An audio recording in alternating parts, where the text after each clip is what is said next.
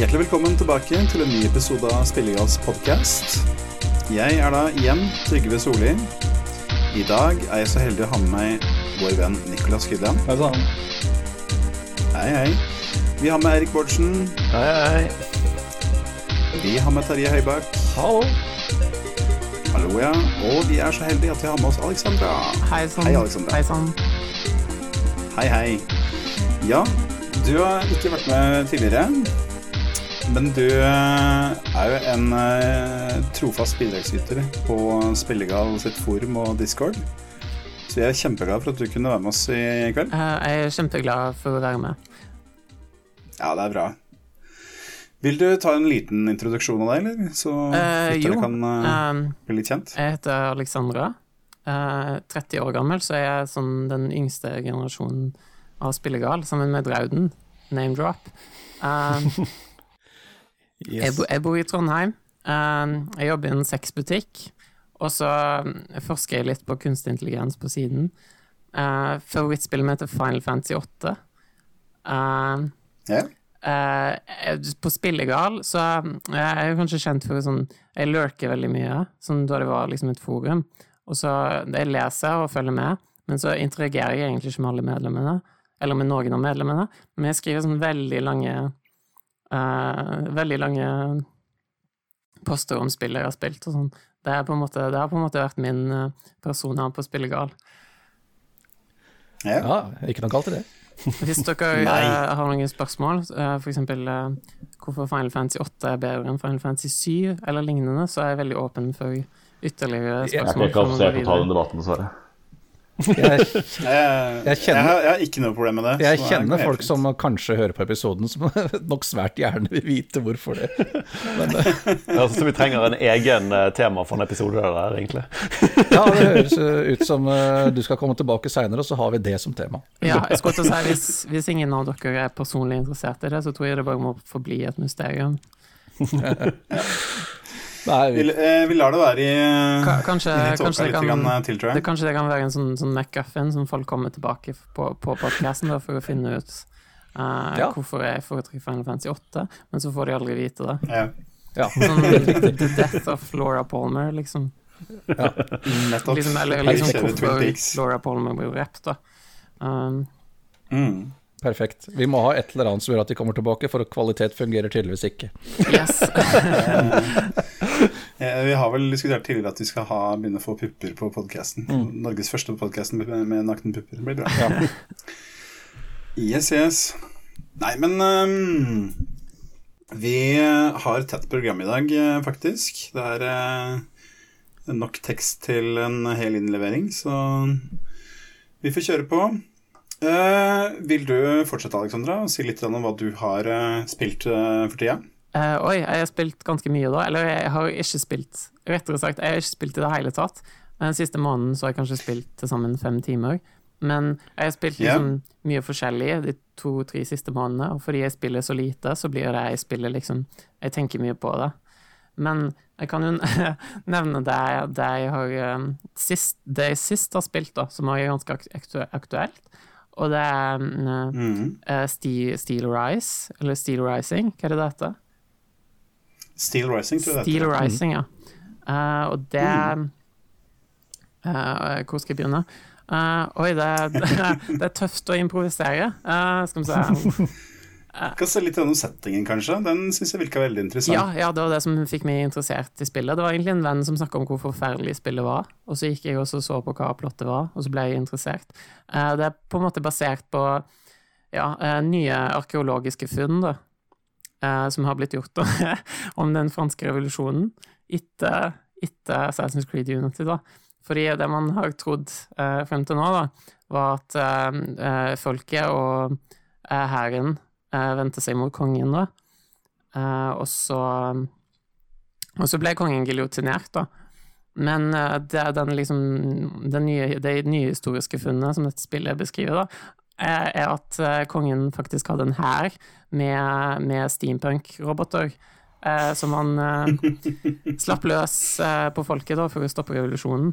Og så hadde det seg sånn at eh, eh, Marie Antoinette eh, hadde en sånn eh, underholdningsrobot, da. Eh, sånn, sånn feminin og sminka. og eh, det, denne, denne underholdningsroboten, da, eh, hun- bekjempa hele hæren til, til kongen, da. Eh, så det er jo ganske en side av Aha. historien man ikke har hørt før, da. Eh, Herregud, for et konsept. Jeg har ikke lest den historieboka. Nei. Det har jeg.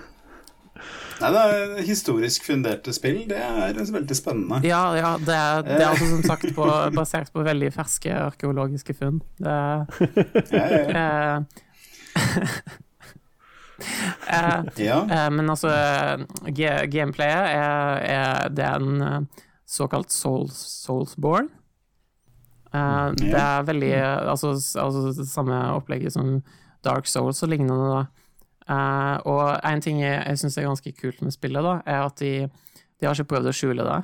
Uh, det er egentlig ganske sånn in your face. Sånn for eksempel alt fra game over-skjermen til at uh, når fienden dør, så plukker du liksom opp noe som minner om sjeler, sånn anima essence. Jeg vet ikke hva det har med settingen å gjøre, men det er liksom det, det er sånn i Dark De måtte ha en valuta, bare, tenker jeg. Dark, Dark Souls hadde det, så da må vi jo. Ja, ikke sant? Ja, jeg ser den.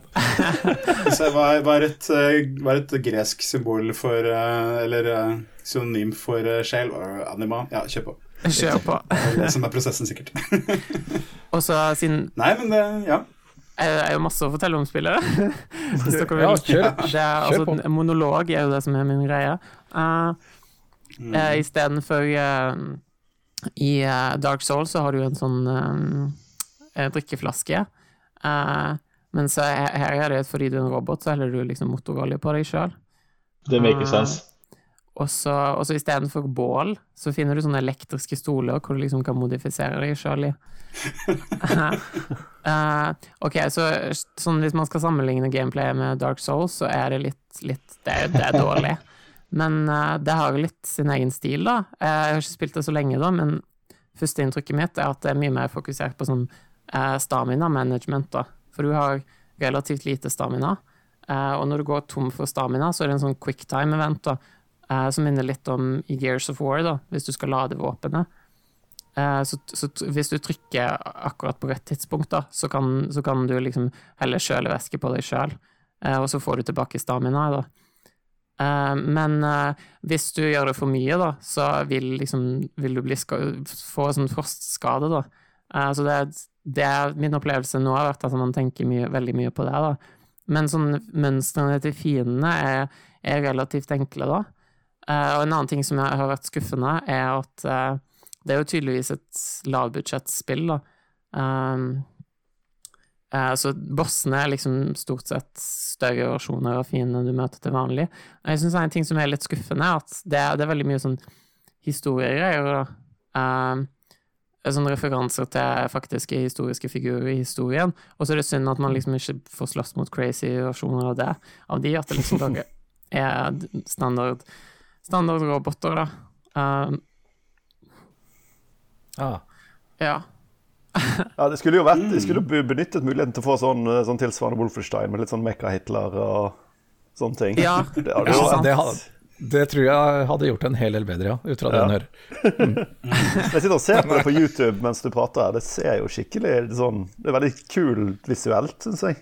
Ja, enig. Mm. Men det er, det er et, det er et, det er et lavbudsjettspill, men de har, de har, de, jeg syns de, de har lagt de, de gjør godt ut av det de har De gjør mye med det de har, da. Det er lagt av eh, et eh, selskap som heter Spy, Spider. Eh, har noen av dere spilt Gre Greedfall? Nei. Nei, Vært borti det, ja. Ja, jeg har ikke spilt det sjøl, men det var òg et sånt veldig quirky rollespill, da. eh, hvor du, Mm. du var på en sånn, sånn øy eh, med masse sånn pirater og sånn, og så er det sånn noe sånn Lovecraft-greier. Og jeg, har ikke spilt det sjøl, men jeg vet at mange som har lignende spillspak som meg, har likt det veldig godt. da. Så jeg får, jeg får basert på dette på Steel Rising og Greedfall, så har jeg en veldig god følelse for, eh, for Spider, da, som et selskap. Men jeg føler, jeg føler de ennå ikke liksom har Det er ennå ikke lagd en Witcher 3, da. Men uh, jeg har, jeg har håpet, da. Jeg syns de er lovende. Ja. Ikke sant. Det er samme tanken jeg har hatt om Sparrows i mange år. Jeg har spilt eh, noen av spillene deres. Um, de er liksom der at de har mange kule ideer, og så er det litt sånn eh, ymse med gjennomføringsevnen, da. Det er mye jank og mye ja, rare ting som dukker opp i spillene der. Sånne ting som andre selskaper måte har løst for eh, 10-15 år siden. Det har de ennå ikke helt fått taket på. Så det er eh, Jeg ble, jeg ble faktisk uh, sjokkert. Jeg, jeg, har jeg har gått veldig lenge og tenkt at uh, Spider er et polsk selskap, men så viser det seg at det faktisk er fransk. ja. Aha. Fordi jeg forbinder sånn, Ja. såkalt sånn eurojank med, med østeuropeiske land. Da. Uh, ja, men det kommer en del av det ut av Frankrike også. ja, altså. for så vidt. Piranha Bites er vel tysk? Ja ja, det tror jeg. Vi har eh, mange ulike nasjoner i Europa, mange ulike former for spilljank. Det er helt sikkert. Ok, Yes. jeg har et eh, filosofisk spørsmål. Er Anarchy Online eh, Er det eurojank? Oh. Det er nå så lenge siden at jeg klarer ikke å huske helt hvor, åssen uh, det var. Det, jeg tror vel det var The Secret Secret World. ja, Secret World har jeg spilt lite grann. Jeg blei bare skuffa av det. det. Det lovte så bra. Jeg hadde så, hadde så lovende start, Ja. og så gikk det bare så rett i bøtta Ja, etterpå det. altså. konsept, Så- konseptet der hørtes veldig kult ut. Ah, jeg, jeg, likte, Så- Så- jeg likte meg så godt i mer. stemningen til Secret World, da. men så leverte Mm. det ikke helt på, på alt annet, egentlig. Nei. Mm. Helt riktig. Det er Der har du det i et nøtteskall. Nå spiller ikke jeg sånn noe særlig med massiv multiplayer online i det hele tatt, altså. Men det hørtes interessant ut, det skal det ha. Mm. Mm. Jeg husker det var sånn, det var sånn missions da, som var sånn point and click quests, da. Uh, Mm. med, med sånne urimelige løsninger. Ja. ah, ja. Og så var det andre sida av den, eh, det dilemmaet der, hvor det at det var når det en gang Når det en sjelden gang var en Quest hvor du faktisk måtte tenke litt, så uh, lå det et hint til venstre for, uh, opp, for oppdraget. Et annet hint til høyre, et tredje på veggen bak. Og så, så leste jeg litt rundt det der, og det viste seg at um, det var så mange som ikke skjønte hva de skulle gjøre, så de måtte bare pøse på med hint. Det var bare dekka med hint rundt det du skulle tenke over, så du slapp å tenke noe. Ja, ja. Sånn Jeg, jeg, husker, Ja, jeg husker jeg spilte det på launch, og jeg husker at jeg ikke skjønte noen ting.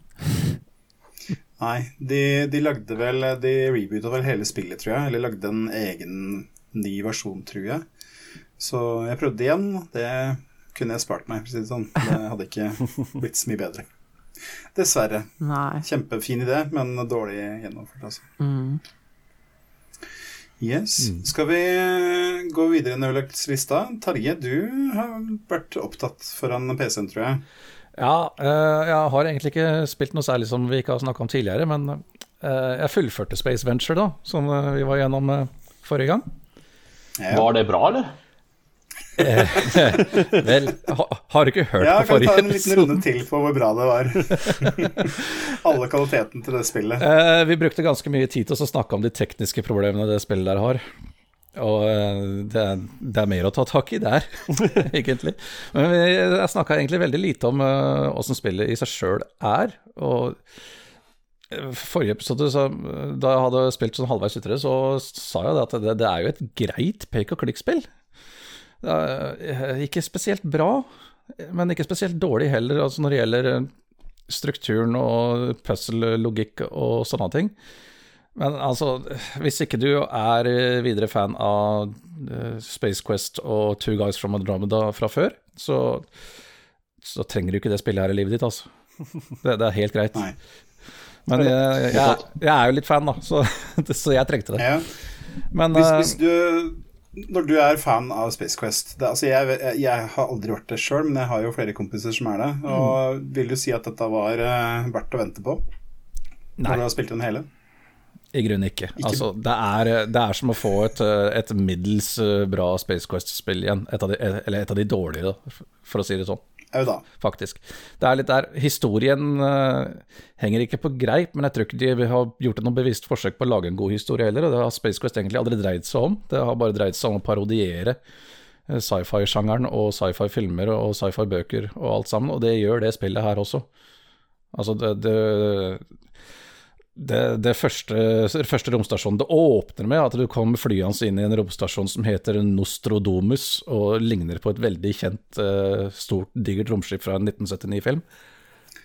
Er det det nivået det ligger på gjennom hele, eller er det, Det er det. oppover etter det? Det er det. Det er, det Ja da, Okay. du, du kommer etter hvert til Det kommer etter hvert noen scener med en big bad som sitter med et uh, lite panel av eh, følgere eh, rundt seg, og det er jo selvfølgelig figurer du kjenner igjen med en gang, bare med litt andre navn. Men du har Khan fra Star Trek 2.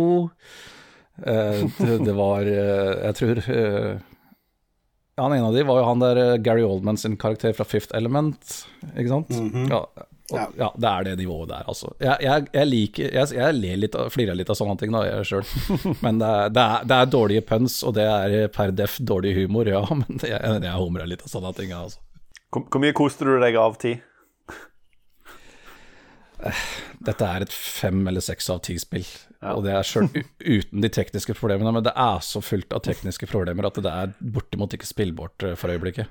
Men er, er det din personlige fem av seks av ti, eller er det generelt Prøver du å være objektiv når du sier fem av seks? Da av seks av ti? prøver jeg å være objektiv, ja. Da, Hvis du sier faktisk. rein eh, Terje, fra Terjes synspunkt, da jeg, jeg, kan, jeg kan gå opp til en syver, for jeg, jeg, jeg, jeg humrer og flirer av de dummeste ting. Ja, ja, men det er jo, da er det jo Det, det, det, det altså, det kommer sånne helt syke ting bare helt ut av det blå. Som, eh, midt i spillet så er du ute og flyr fra et sted til et annet og blir stoppa av politi. Og det er en motorsykkelpoliti, da, bare selvfølgelig er i verdensrommet, selvfølgelig, men det er jo åpenbart en sånn liten motorsykkel. Og det er en helt forkrumma figur, han politimannen, med politihjelm og sånt nå.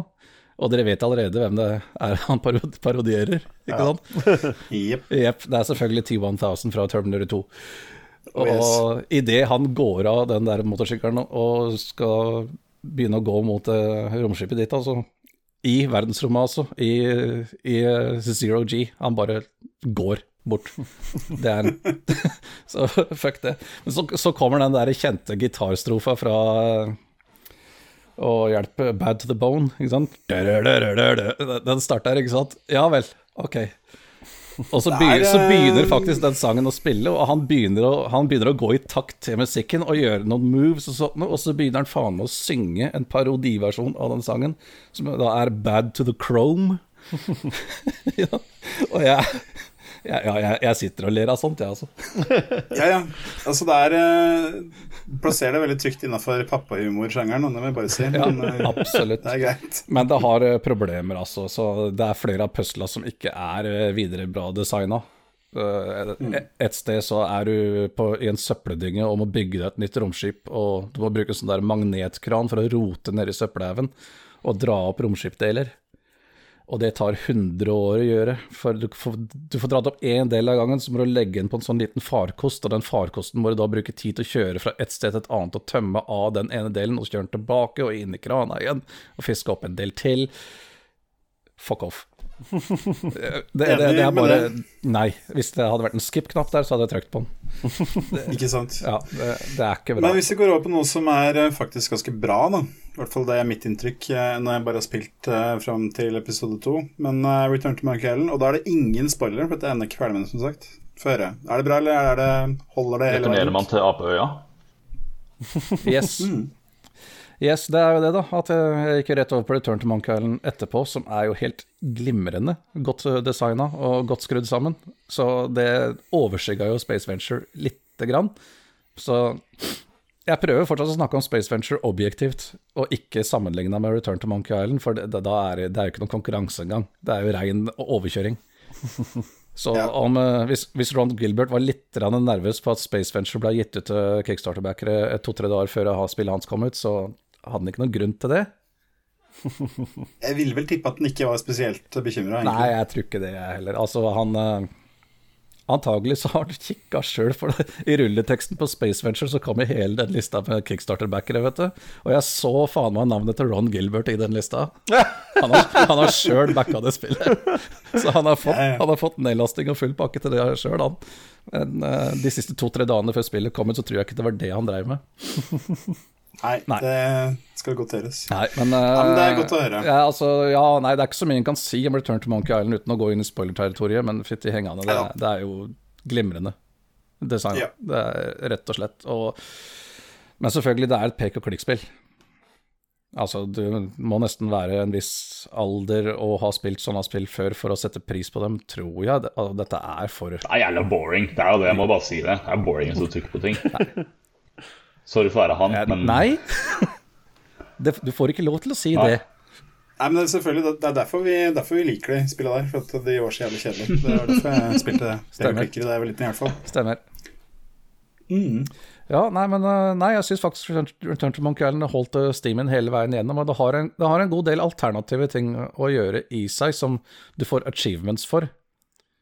Så, så ja, etter å, etter å ha fullført det, så mangler jeg flere achievements, da, som jeg ser nå at det her da, ja, det er bare på sånne bonusting du kan gjøre for moro skyld.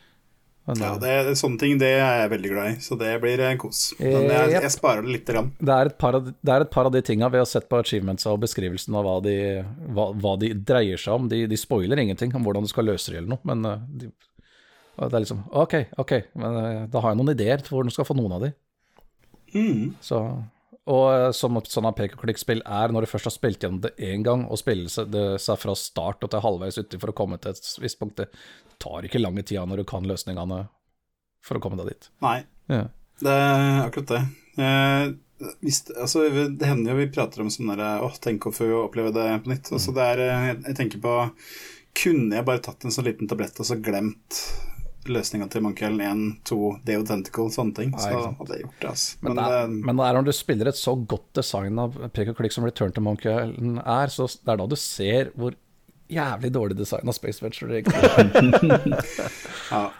Bortsett fra jeg, jeg fastholder det at eh, løsningene i Space Venture var ikke direkte ulogiske, selv om de var eh, litt innvikla og kompliserte. Så de var, det var ikke dårlig sånn sett, men det var så mye annet som ikke var gjennomtenkt der. At det, uff. Det er synd, altså. Husker dere den Det var en, husker det var en sånn artikkel som var veldig populær, som hevda at liksom at eh, point and click-sjangeren var død fordi, eh, fordi det var så lett å, å finne lø, løsninger. Så folk hadde liksom ikke tålmodighet til, til å liksom sitte i ukevis og lure på hvordan man skulle gjøre et eller annet ulogisk. Eh, er, er dere enig i den tolkningen av hvorfor point and click Til en viss grad, for jeg, jeg er ikke interessert i å sitte i 14 dager med et uh, point and click-eventyr lenger. Altså, hvis jeg, bru- hvis jeg har prøvd alle, alle muligheter jeg klarer å komme på, altså hvis jeg, hvis jeg bare ikke klarer å komme på en eneste ting til å prøve, da, da er jeg ute og kikker etter, eh, etter løsninga, altså. Ja. Jeg må innrømme det. Men altså, Return to Monkey Island har jo et, eh, sitt eget interne hintsystem, for nettopp Ja. for når du sitter fast på sånne ting. Som er helt glimrende. Ja, For det er- dere beskrev om den hintboken forrige uke, gjorde meg mye mer interessert. For jeg har egentlig lagt der eh, sånne point click-spill ganske bak meg pga. det der. Men når dere beskrev den hintboken det, Så jeg kan ikke ta helt repeat av forrige uke, kanskje. Men når vi Jeg brukte Men i hvert fall den, den hørtes såpass god ut da at det, det gjør det mer motiverende å spille sånne spill, rett og slett. Ja, ja. Jeg brukte walkthrough i Space Venture mer enn jeg brukte hintboka i Return to Monkey Island, for å si det sånn. Ja. Og Return to Monkey Island er et lengre spill. ja. Ja.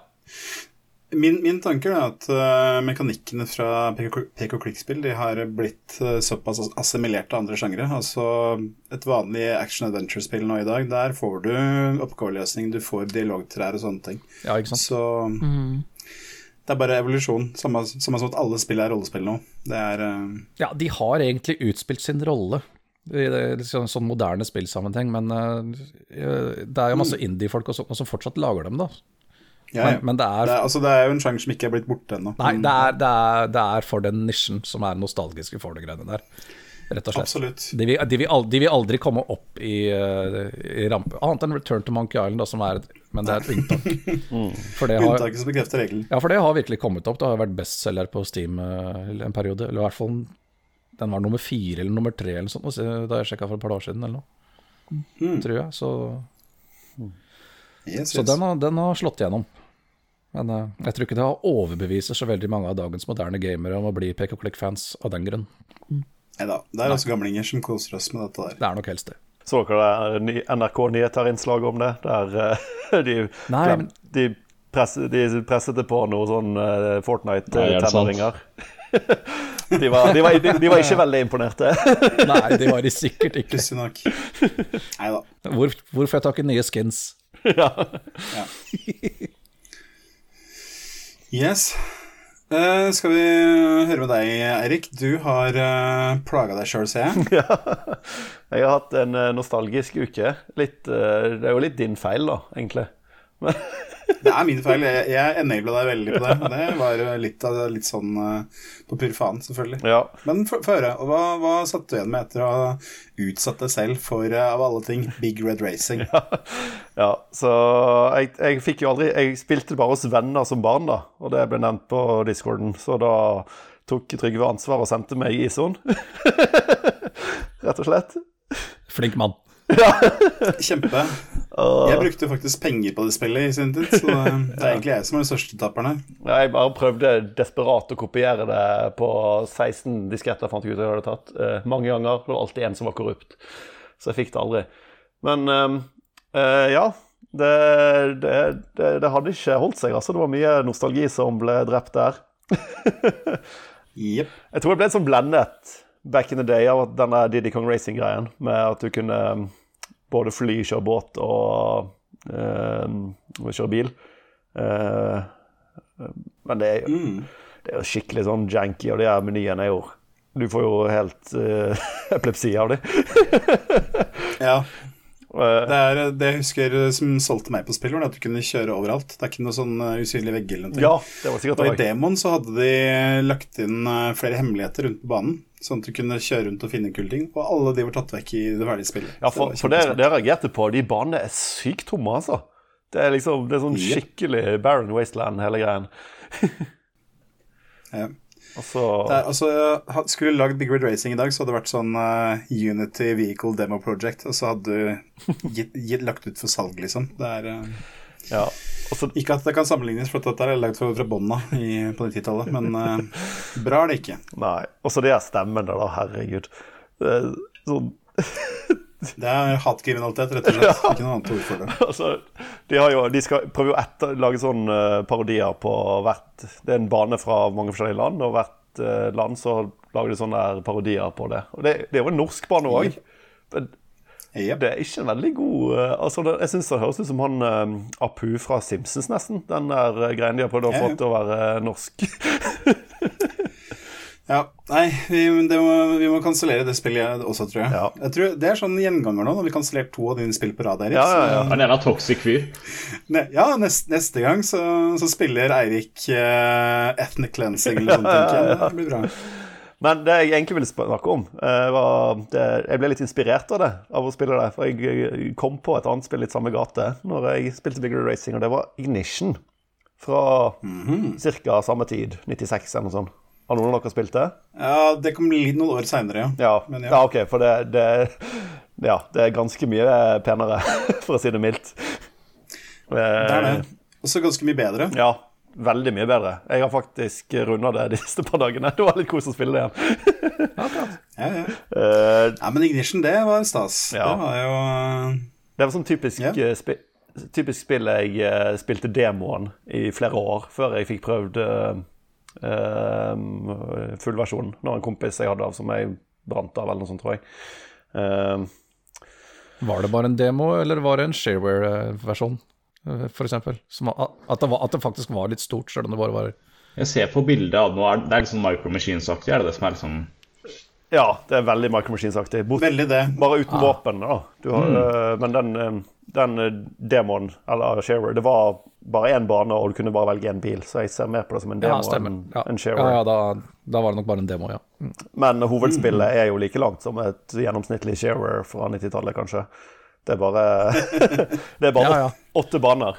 Um, men det ja, Nei, jeg, jeg, kjenner ikke til det i det hele tatt, må jeg innrømme. For Nei, men nei, altså, det, var, det, var, jo det vi hadde å trøste oss med på PC da vi så på uh, Mario Kart 64 og sånne ting. Mm. Det var jo Akkurat.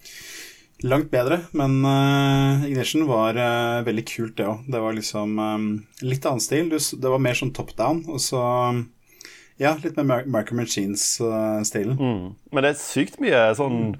Veldig mye detaljer lagt i banen og sånne ting. Det er veldig, jeg syns det er veldig pent, og det, det, faktisk, mm. det, det, ser faktisk best ut på de laveste grafikkinnstillingene.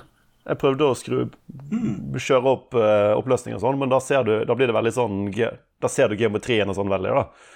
Eh, men på de lavere mm, oppstillingene så ser det De har litt sånn avrundede hjørner på skjermen, så det ser ut som du ser gjennom en gammel TV. Og, og da ser det veldig sånn uperfekt og fint ut. Litt, litt sånn grøtete, men på en positiv måte ut. da. Um, Ja. Veldig kult designede baner og sånn. Uh, du digger at det, han er veldig mye sånn høydeforskjeller, så du kan liksom se hopp, Kjøre over et hopp, så ser du bilene som henger etter deg, kjøre under og sånne ting. Mm. Mm. og Det er vel litt uh, brett hvor du kjører opp på en vulkan, er det ikke det? jo, det er det. Kjell, i hvert fall. Litt forskjellige sånne snarveier som du kan ta. Uh, og veldig sånn uh, teite biler som du kan kjøre. Men det, fysikken er, funker bra på de lavere Det er sånn som Mario Kart, at du, vanskelighetsgraden er også eh, engine classes. Så på lav vanskelighetsgrad Jeg mistenker at de egentlig kun har eh, testet det i noe særlig på lav vanskelighetsgrad. Fordi da, da funker det veldig bra.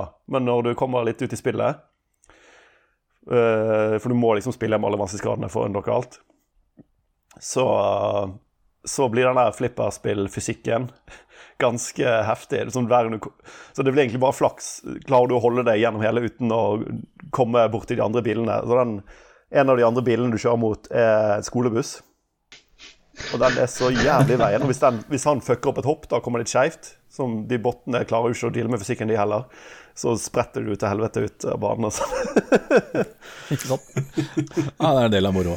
Ja, så Yes. det var ganske frustrerende å spille den siste vanskelighetsgraden igjen. Den tok noen forsøk, men eh, det er så, såpass kort. Ja, kos. Men Ja. ikke, ikke kjøpte på Steam, for der følger ikke musikken med. av en eller annen grunn. Så jeg, jeg kjøp, måtte kjøpe Nei, sikkert noen lisensproblemer. Nei, men det er på Gu Hvis bare det fantes en annen måte å få tak i det. men på Good Old Games er musikken. Så jeg kjøpte først på Steam, og så ble det refund, og så kjøpte jeg på Good Old Games. Og der funket musikken. Begge er Ah. DOSBox-versjoner, så jeg vet ikke hvorfor. Men Ja, spesielt. Nei, 20 kroner billigere på Steam, da, så sikkert derfor. De ja, sparer de 20 ja, kronene. Ikke sant? Ja. Men det var en sånn bølge av sånne top down 3D-racere eh, en periode der på, mot slutten av 90-tallet eller noe sånt. Noe, som alle forsøkte Som alle var Eller mange av de var sånn middels, men ingen av de var kjempebra. Men, så, men de var kos å spille en kveld eller to. Mm. Til en hadde runda det. Så, Ja. Uh, jeg husker rett som slett Circuit Breakers, som fikk veldig Ja, ja, mye presse før lansering, og så forsvant det bare av radaren til alle etter lansering, fordi det var helt jævlig. Ja, men det var liksom sånn uh, Jeg husker det også. Uh, jeg husker jeg spilte, Det var sånn jeg spilte demoa. og så husker jeg Micro Machines. Mm. Øh, men jeg spilte jo Altså, øh, det er jo typ ti år senere. Er Kanskje ikke så mye, men Mashed og uh, den gjengen der, Mashed, Mashed Fully Loaded, det var som er 2004, tror jeg kanskje. 2005. Uh, men det er også sånn top down. Men det spilte vi sykt mye i sånn lokal multiplayer. Mm. Det eier. Det ligger fortsatt eh, installert på Xboxen min. For å si det Det sånn. er så bra. Mhm. Det er, jeg kunne snakket en episode om det spillet.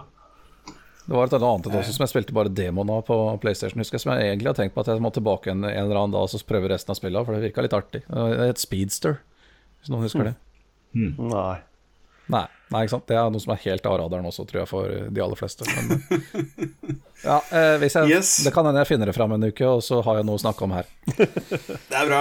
Ja. Det er, jeg tror det at de fleste setter pris på å høre prat om middelmådige 90-talls eh, 3D-racing-spill. Det er ikke noe Ja, det var, det var et hyggelig gjensyn. Der har vi prime, prime content. Nå, nå når vi toppen av podkasten. ja, Selvfølgelig. Kanskje lage en eh, spin-off-podkast som bør handle om det. Ja. Der har vi stoff nok til uh... Vi lette etter å finne vår nisje, så kanskje det, kanskje det er nisjen vår. Altså, jeg trodde min rolle i den podkasten her egentlig skulle være å drive og snakke om bare sånne gamle spill hele tida. Nå har det ikke vært så mye det, egentlig. Men Nei, du får skjerpe deg, Terje. Dette er ikke bra nok. Spille, nye, spille spill som kommer ut i 2022, har ikke hørt på maken. Nei, jeg, helt, jeg har gjort det både Jeg har gjort det de siste episodene. Det Ja, er da- faen. Var derfor jeg tok ansvar denne episoden, vet du, for å fylle 90-tallskvoten vår. Ja, det er bra. Det er bra. Jeg skal, jeg skal, jeg skal skjerpe meg. Lover. Yes, men uh, Nicolas, du har eh, litt mer uh, eklektisk spillsmak enn uh, enkelte av vi her. Eh, nei, det er å ta jeg. Men altså, jeg har ikke spilt uh, Jeg har ikke spilt så mye, men jeg har vært litt på Hva er det jeg spilte? Jeg testa betaen til Modern Warfare 2 i eh, en hel kamp. Jeg tok én runde, bare for å bekrefte at det er mer uh, Modern Warfare. vel, ganske, ganske sjokkerende. Eh, Det er fortsatt veldig sånn, det er fortsatt slick, da. Sånn, uh, Infinity Ward Shooters er jo veldig glatte og digge spill, liksom. Sånn animasjonsarbeid er jo helt ypperlig og sånn. Men så er det liksom 6 mot seks Call of Duty-greia. Du har spilt det bokstavelig talt 100 ganger før. Det er bare Jeg, jeg håper liksom Warzone 2 blir litt mer uh, har litt mer å tilby. Eh, Altså, du ble ikke hypet? Mm. Nei, herregud. Altså, jeg, jeg kjøper et Nå kjøper jeg Cold of Duty-spill sånn en gang i tiåret, føler jeg. Sånn, det første Modern Warfare var ganske ålreit. Da jeg kjøpte det et halvt år etter det kom ut til 200 kroner, så var det en fun sånn Ja, du spiller gjennom på seks timer, og så hater du det ikke, men det er også sånn Stemmer, jeg husker da alle spill var sånn her for ti år siden. Ha, artig at de fortsatt lager den sånn. Ja ja, kult. Og så spiller du videre, og så er, det, er du egentlig forsynt altså, i ti år til. Ja, jeg jeg syns det var ganske kult, så jeg er litt sånn eh, Denne Call of Duty-gjengen min er jo veldig gira på dette nå, så jeg er litt sånn OK, kanskje, kanskje dette er tiden for å kjøpe et nytt Call of Duty igjen. Men vi, vi får se. Jeg må se litt, uh, høre litt uh, hvordan mottakelsen blir på det først. Ja, jeg tipper- jeg fikk ikke prøvd betaen. Jeg tipper jeg kjøper selve spillet, sorry, jeg tipper jeg kjøper selve spillet neste år til halv pris. Hva, hva er Call of Duty? Jeg har aldri hørt om den serien Nei, jeg skjønner, skjønner. Ja.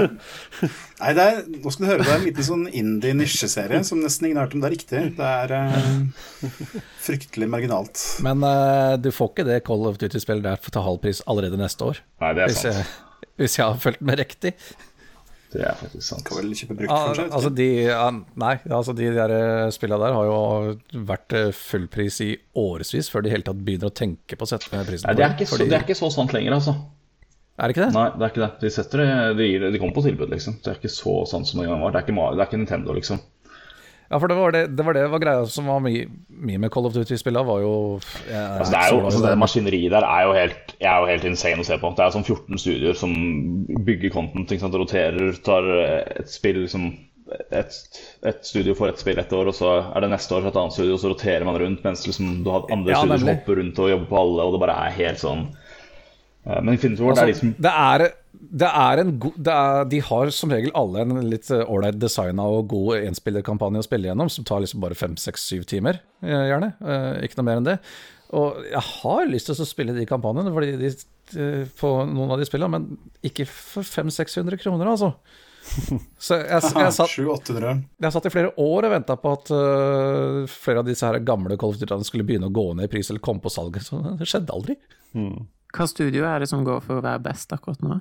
Det er vel det som skal gi ut Ja, det er vel det som skal komme nå. Det er Infinity Reward. Ja, og det har vel sant? Jeg vet ikke hvor mange som fortsatt jobber der, men det er jo de som liksom Det var de som lagde det forrige Modern Warfare og det forrige Modern Warfare, da dere liksom kickstarta hele den online FPS-sjangeren sånn på konsoll og sånn i 2007-2008. så de har jo liksom Det er de som har snekra motoren, og som som generelt sett, min erfaring, har vært liksom de mest kompetente.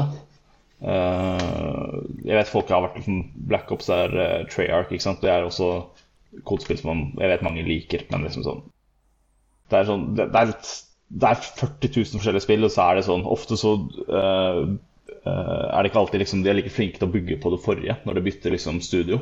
Så du får litt sånn her, Spesielt med Black Ops sånn, får jeg ofte følelsen at de jobber på Og sånn var det i fjor, at Black Ops var på den forrige kodemotoren. Så hvis du spilte mye Modern Warfare, og så uh, det Black Ops-spillet som kom året etter, så var det liksom å gå tilbake til en, gammel, gammel, en eldre utgave. Fordi de ikke hadde liksom brukt den nye motoren. ikke sant, så ja, Infinity Ward er det eneste jeg gidder å spille de spillene, spillene til. Og det er liksom ikke så ofte, det heller. Men det er sånn, campaignen er jo bare sånn rollercoaster-greier som er sånn du spiller én, og så er det artig, og så er du forsynt. Det høres uh, veldig kjent ut, for å si det sånn. Men det er liksom en Modern Warfare 2-remake, er ikke det No Russian? Ikke sant? Og så det er, det er oppfølgeren til rebooten, ikke sant? Ja, det, er så, det er så krise det der at de ikke har funnet noe bedre måte å skille de på. At de har liksom to spill nå som heter akkurat samme som to andre spill. Det er dritbra. Det er sykt bra. Jeg syns det er tåpelig at du insinuerer at det går an å gjøre det på noen annen måte enn det. Det er den faktisk optimale måten å navngi produktet på. Ja, ja, ja. De som lager Need for Speed-serien, har også funnet ut det. Ja. Altså, det er, det er jo to stykk Hot Pursuit og to stykk Hot Pursuit 2, er det ikke det? Som er ja, jo, helt det er forskjellige faktisk spill. kanskje Ja, det. ja, stemmer det. Ja, det er det. For det er Need for Speed 2 Yes. kolon Hot Pursuit, og så er det Need for Speed Hot Pursuit 2. Ja, stemmer. Altså hot, ja, det er også Hot Pursuit, og det, det er flere av de. Det er, det er så dumt. Å, det er så dumt. Yes. Vil du si noe om noe annet på lista di, Niklas? Jeg spilt liksom, jeg spiller DLC-en i Outer Wilds, men det er så liksom uh, vanskelig å snakke om på en måte uten å spoile. Outer Wilds er et spill som er veldig gøy å oppdage alt selv. Så det, ja, men, uh, men syns du folk burde investere i Outer ja, Wilds? Jeg, det må jeg jo si. Jeg regnet egentlig med at alle her har spilt det. Alle vet at det er et helt sykt bra spill. Mm. Hva sa du? Jeg, det er uh, helt eksepsjonelt bra. Det er det. Jeg var, jeg var midt, i, uh, midt, i, det når jeg solgte PlayStation min. Jesus Det er litt sånn vemodig at jeg ikke ble ferdig. Kan man uh, hoppe rett på DLC-en, eller burde man ha gått kommet i mål? Godt spørsmål. Man kan hoppe rett på DLC-en. Den jobbes bare inn i fila di, uansett om du akkurat har begynt spillet eller uh, har runda det. Så legges det bare til i den aktive save-fila di, og så er det et eget liksom, objekt i universet du oppsøker. Ja, kult. Mm.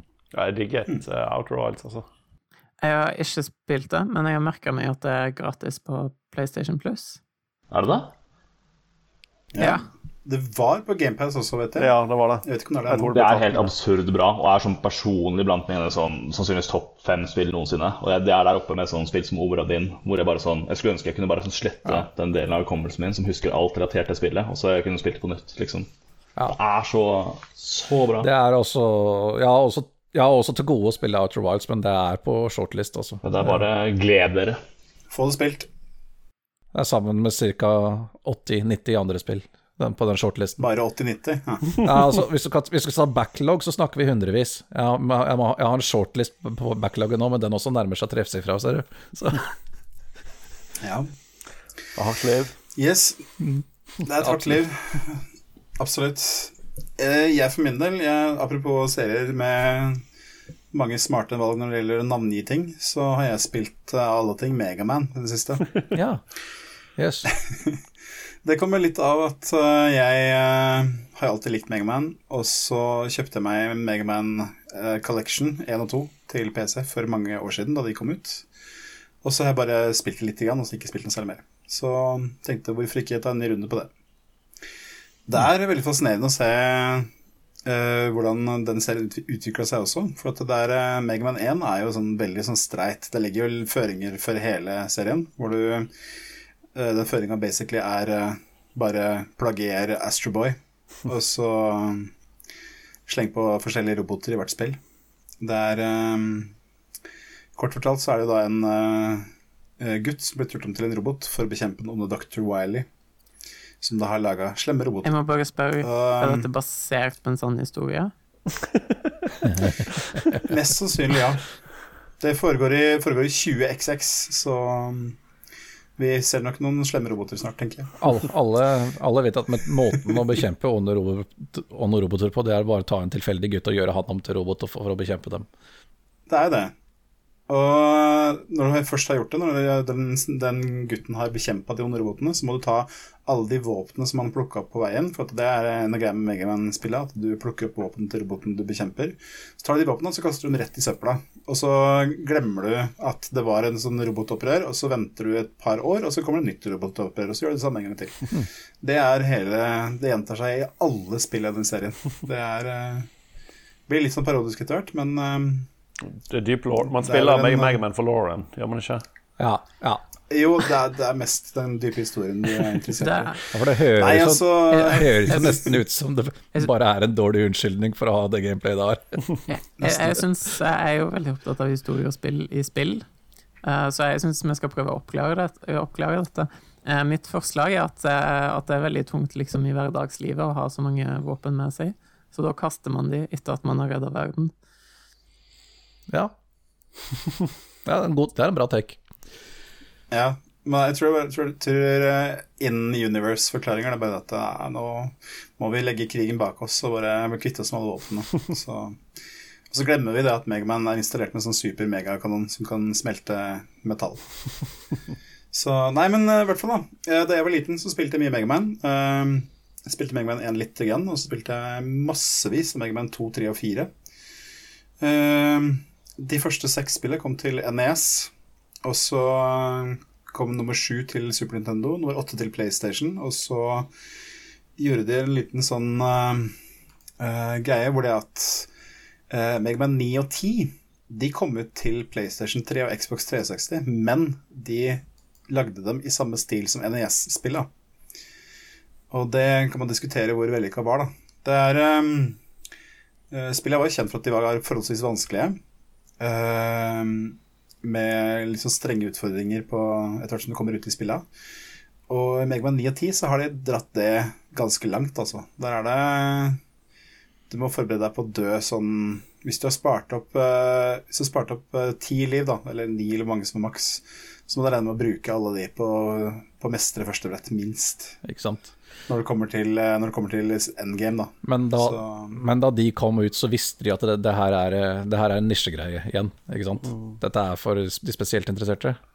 Ikke for, eh, Ja. ikke for det store massemarkedet egentlig lenger. Jeg føler de markedsførte det nærmest litt sånn som sånn Dark Souls-greie nærmest når det kom. Jeg husker, mener jeg husker at uh, når Mega Man 9 Ja. kom, at det var sånn bare Å, dette er så sykt vanskelig.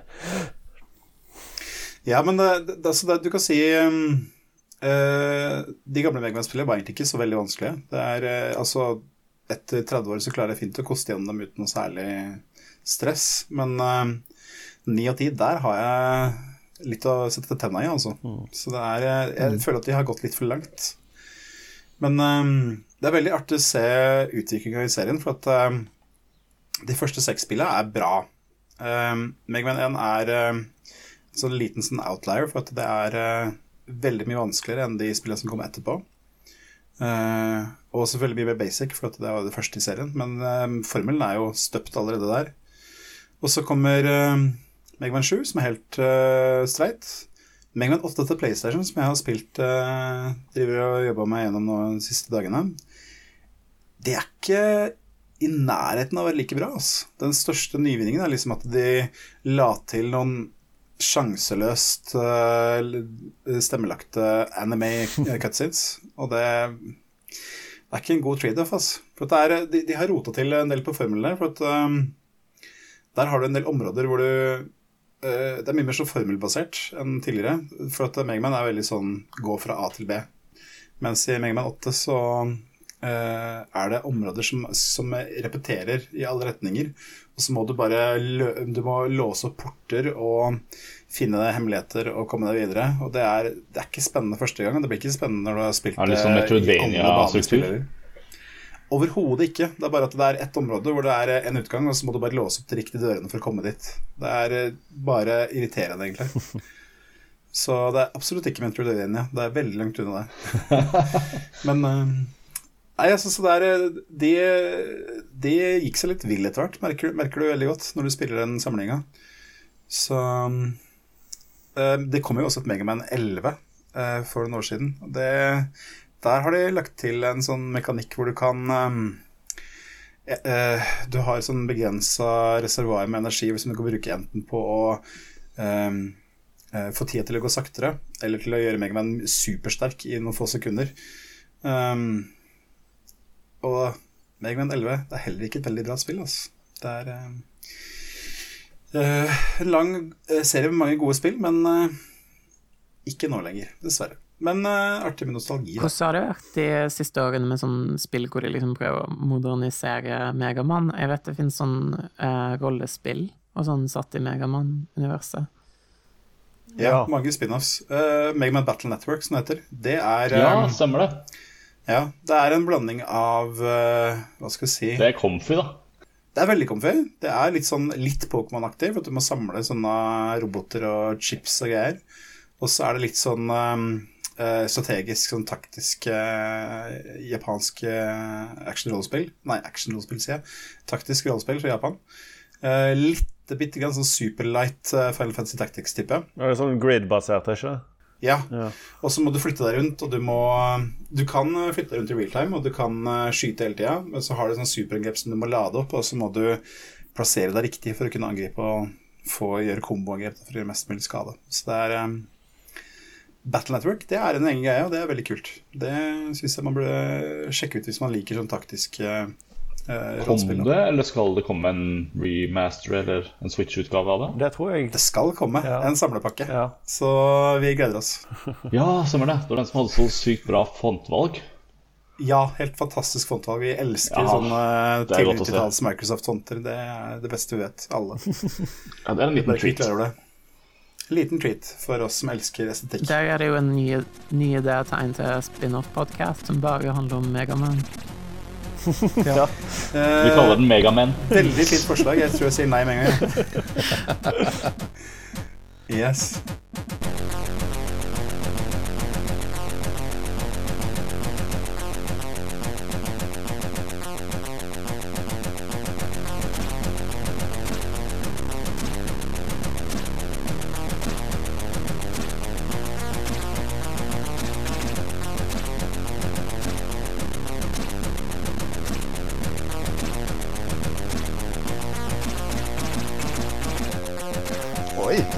Kamera for Nicolas.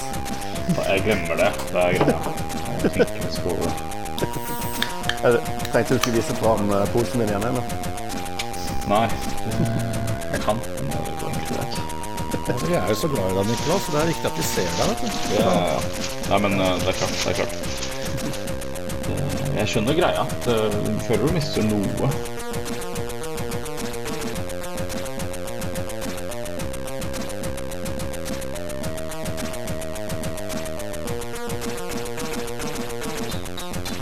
Faktisk over på eh, dagens tema, som er eh, dette med vanskelige eller utfordrende spill. Spørsmålet som blir stilt er Liker du vanskelige spill? Hvorfor slash hvorfor ikke? Kan å være vanskelig være et design- eller gameplay-element i seg sjøl?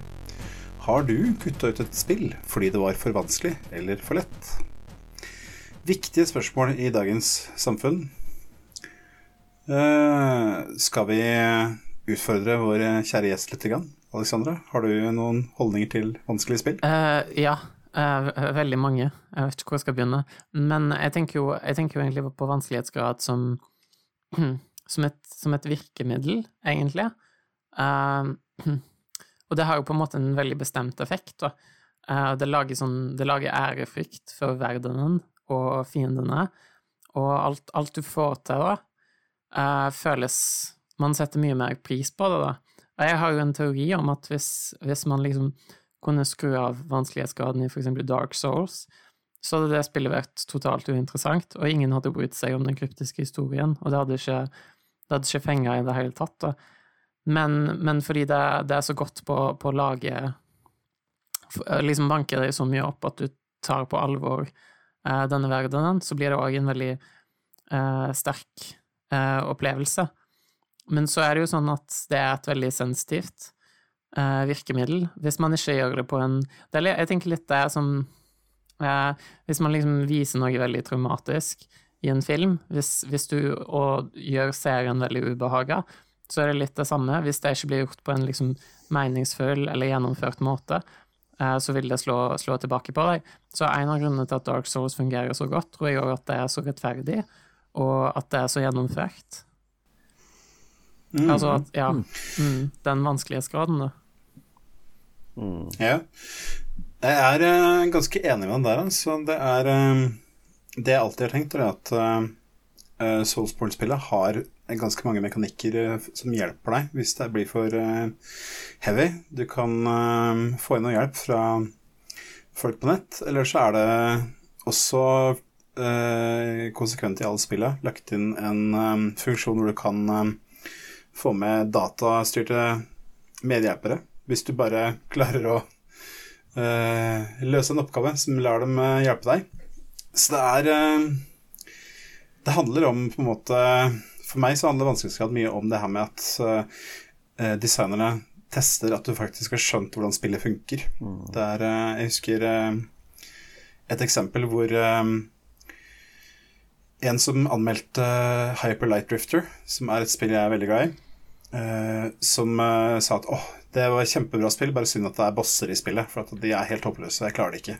Jeg tenkte hm, det er, De bosskampene er eh, omtrent så uh, spillervennlig design du kan få det til å bli, for at du, respawn er i bosserommet, og alle kampene er veldig spesifikt laget, slik at uh, de verktøyene du har fått i det området du møter de i, det er de du må bruke for å ta de. Det er uh, helt konsekvent gjennom hele spillet. Og det er, um, det er såpass at det spillet har jeg spilt gjennom kanskje fem ganger. Og hver gang jeg kommer tilbake til det, så sitter alle de bosskampene fortsatt for at det er så godt sammenvevd med resten av opplevelsen. Så, um, ja, den, den, type vanskelighet uh, syns jeg er innafor det du beskriver der, når du liksom spåner rett ved og sånn. Det jeg har mest problemet er når du Hvis de liksom tvinger deg til å spille gjennom en lang, kjedelig greie på nytt og på nytt før det er vanskelig biten hver gang. Da dette er veldig mm. fort av vanskelig spill, altså. ja, det er jo litt sånn um et ankepunkt mot spesielt Soulsborne-spillet. At du har den derre uh, bosswalken, som det heter så fint. Mm. At du må gå fra bonfire til uh, bossrommet. Og det er ikke alltid like moro. Nei, i hvert fall ikke når man gjør det gjentatte ganger. Mm. Det, er, er der, det det, det stanga litt imot. Det er der det stanga litt imot for min del. Altså, jeg har jo skrevet at jeg er ikke så glad i vanskelig, vanskelig spill lenger. Mm. På den mm. andre siden så tenker jeg det, det må liksom svi å bli, bli skada. Uh, og det gjør det jo ja. når du må gå tilbake. Og så Et annet punkt er jo at når du har gjort en boss run et par ganger, så går det egentlig ganske, ganske fort. Du finner liksom en veldig ja. kjapp vei, og du løper forbi fiendene. Jeg, og spesielt liksom etter hvert som Soul-serien har utvikla så vil jeg mene at disse boss runene de har jo blitt uh, enklere og enklere. Jeg husker i Demon's Souls og sånn, så er det sånn, mange sånn Jeg husker en sånn gruve, og så må du gjennom mange etasjer for å komme til bossen. Uh, mens nå ja, i Elden Ring så er det nesten sånn at det, det er nesten et checkpoint utenfor bossen veldig ofte. Mm. Ikke sant. Nei, altså, jeg vil ikke at uh, jeg, Det er ikke sånn at jeg skulle ønske at Dark Souls og sånt skulle vært designa annerledes, sånn at det hadde passa bedre for meg. Nei, nei, det overhodet ikke. Uh, jeg syns det er helt fint at det er sånne spill med det designet eksisterer. Og jeg skulle ønske at jeg hadde tid og energi til å, til å spille dem, men det, det, er det som er at uh, på kveldene etter jobb og sånt, når jeg sitter og spiller, så er det for å sitte og slappe av og kose meg.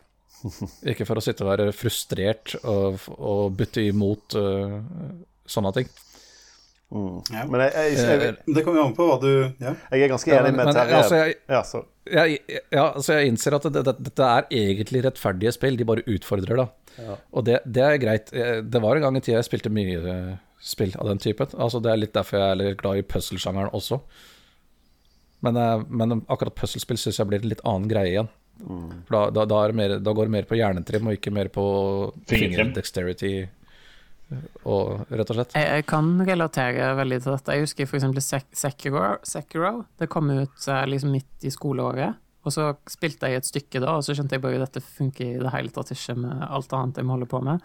Men så kom sommerferien, og så hadde jeg masse tid til det, og satte meg sånn skikkelig inn i det og spilte det masse, masse, og liksom det er et av favorittspillene mine nå. Mm. Men en annen ting er, Så det er liksom veldig Det er veldig sjeldent, liksom Jeg har lenger har liksom tid, tid til å sette fullt pri, pris på et sånt spill. Og så kan man jo lure på etter hvert som man begynner å bli eldre og voksen og sånn, om eh, på en måte om all den tiden og alt det strevet det koster å få til disse spillene, om det faktisk er, er verdt det. For det er jo veldig mye man kunne gjort uh, for liksom brukt den tiden i stedet på.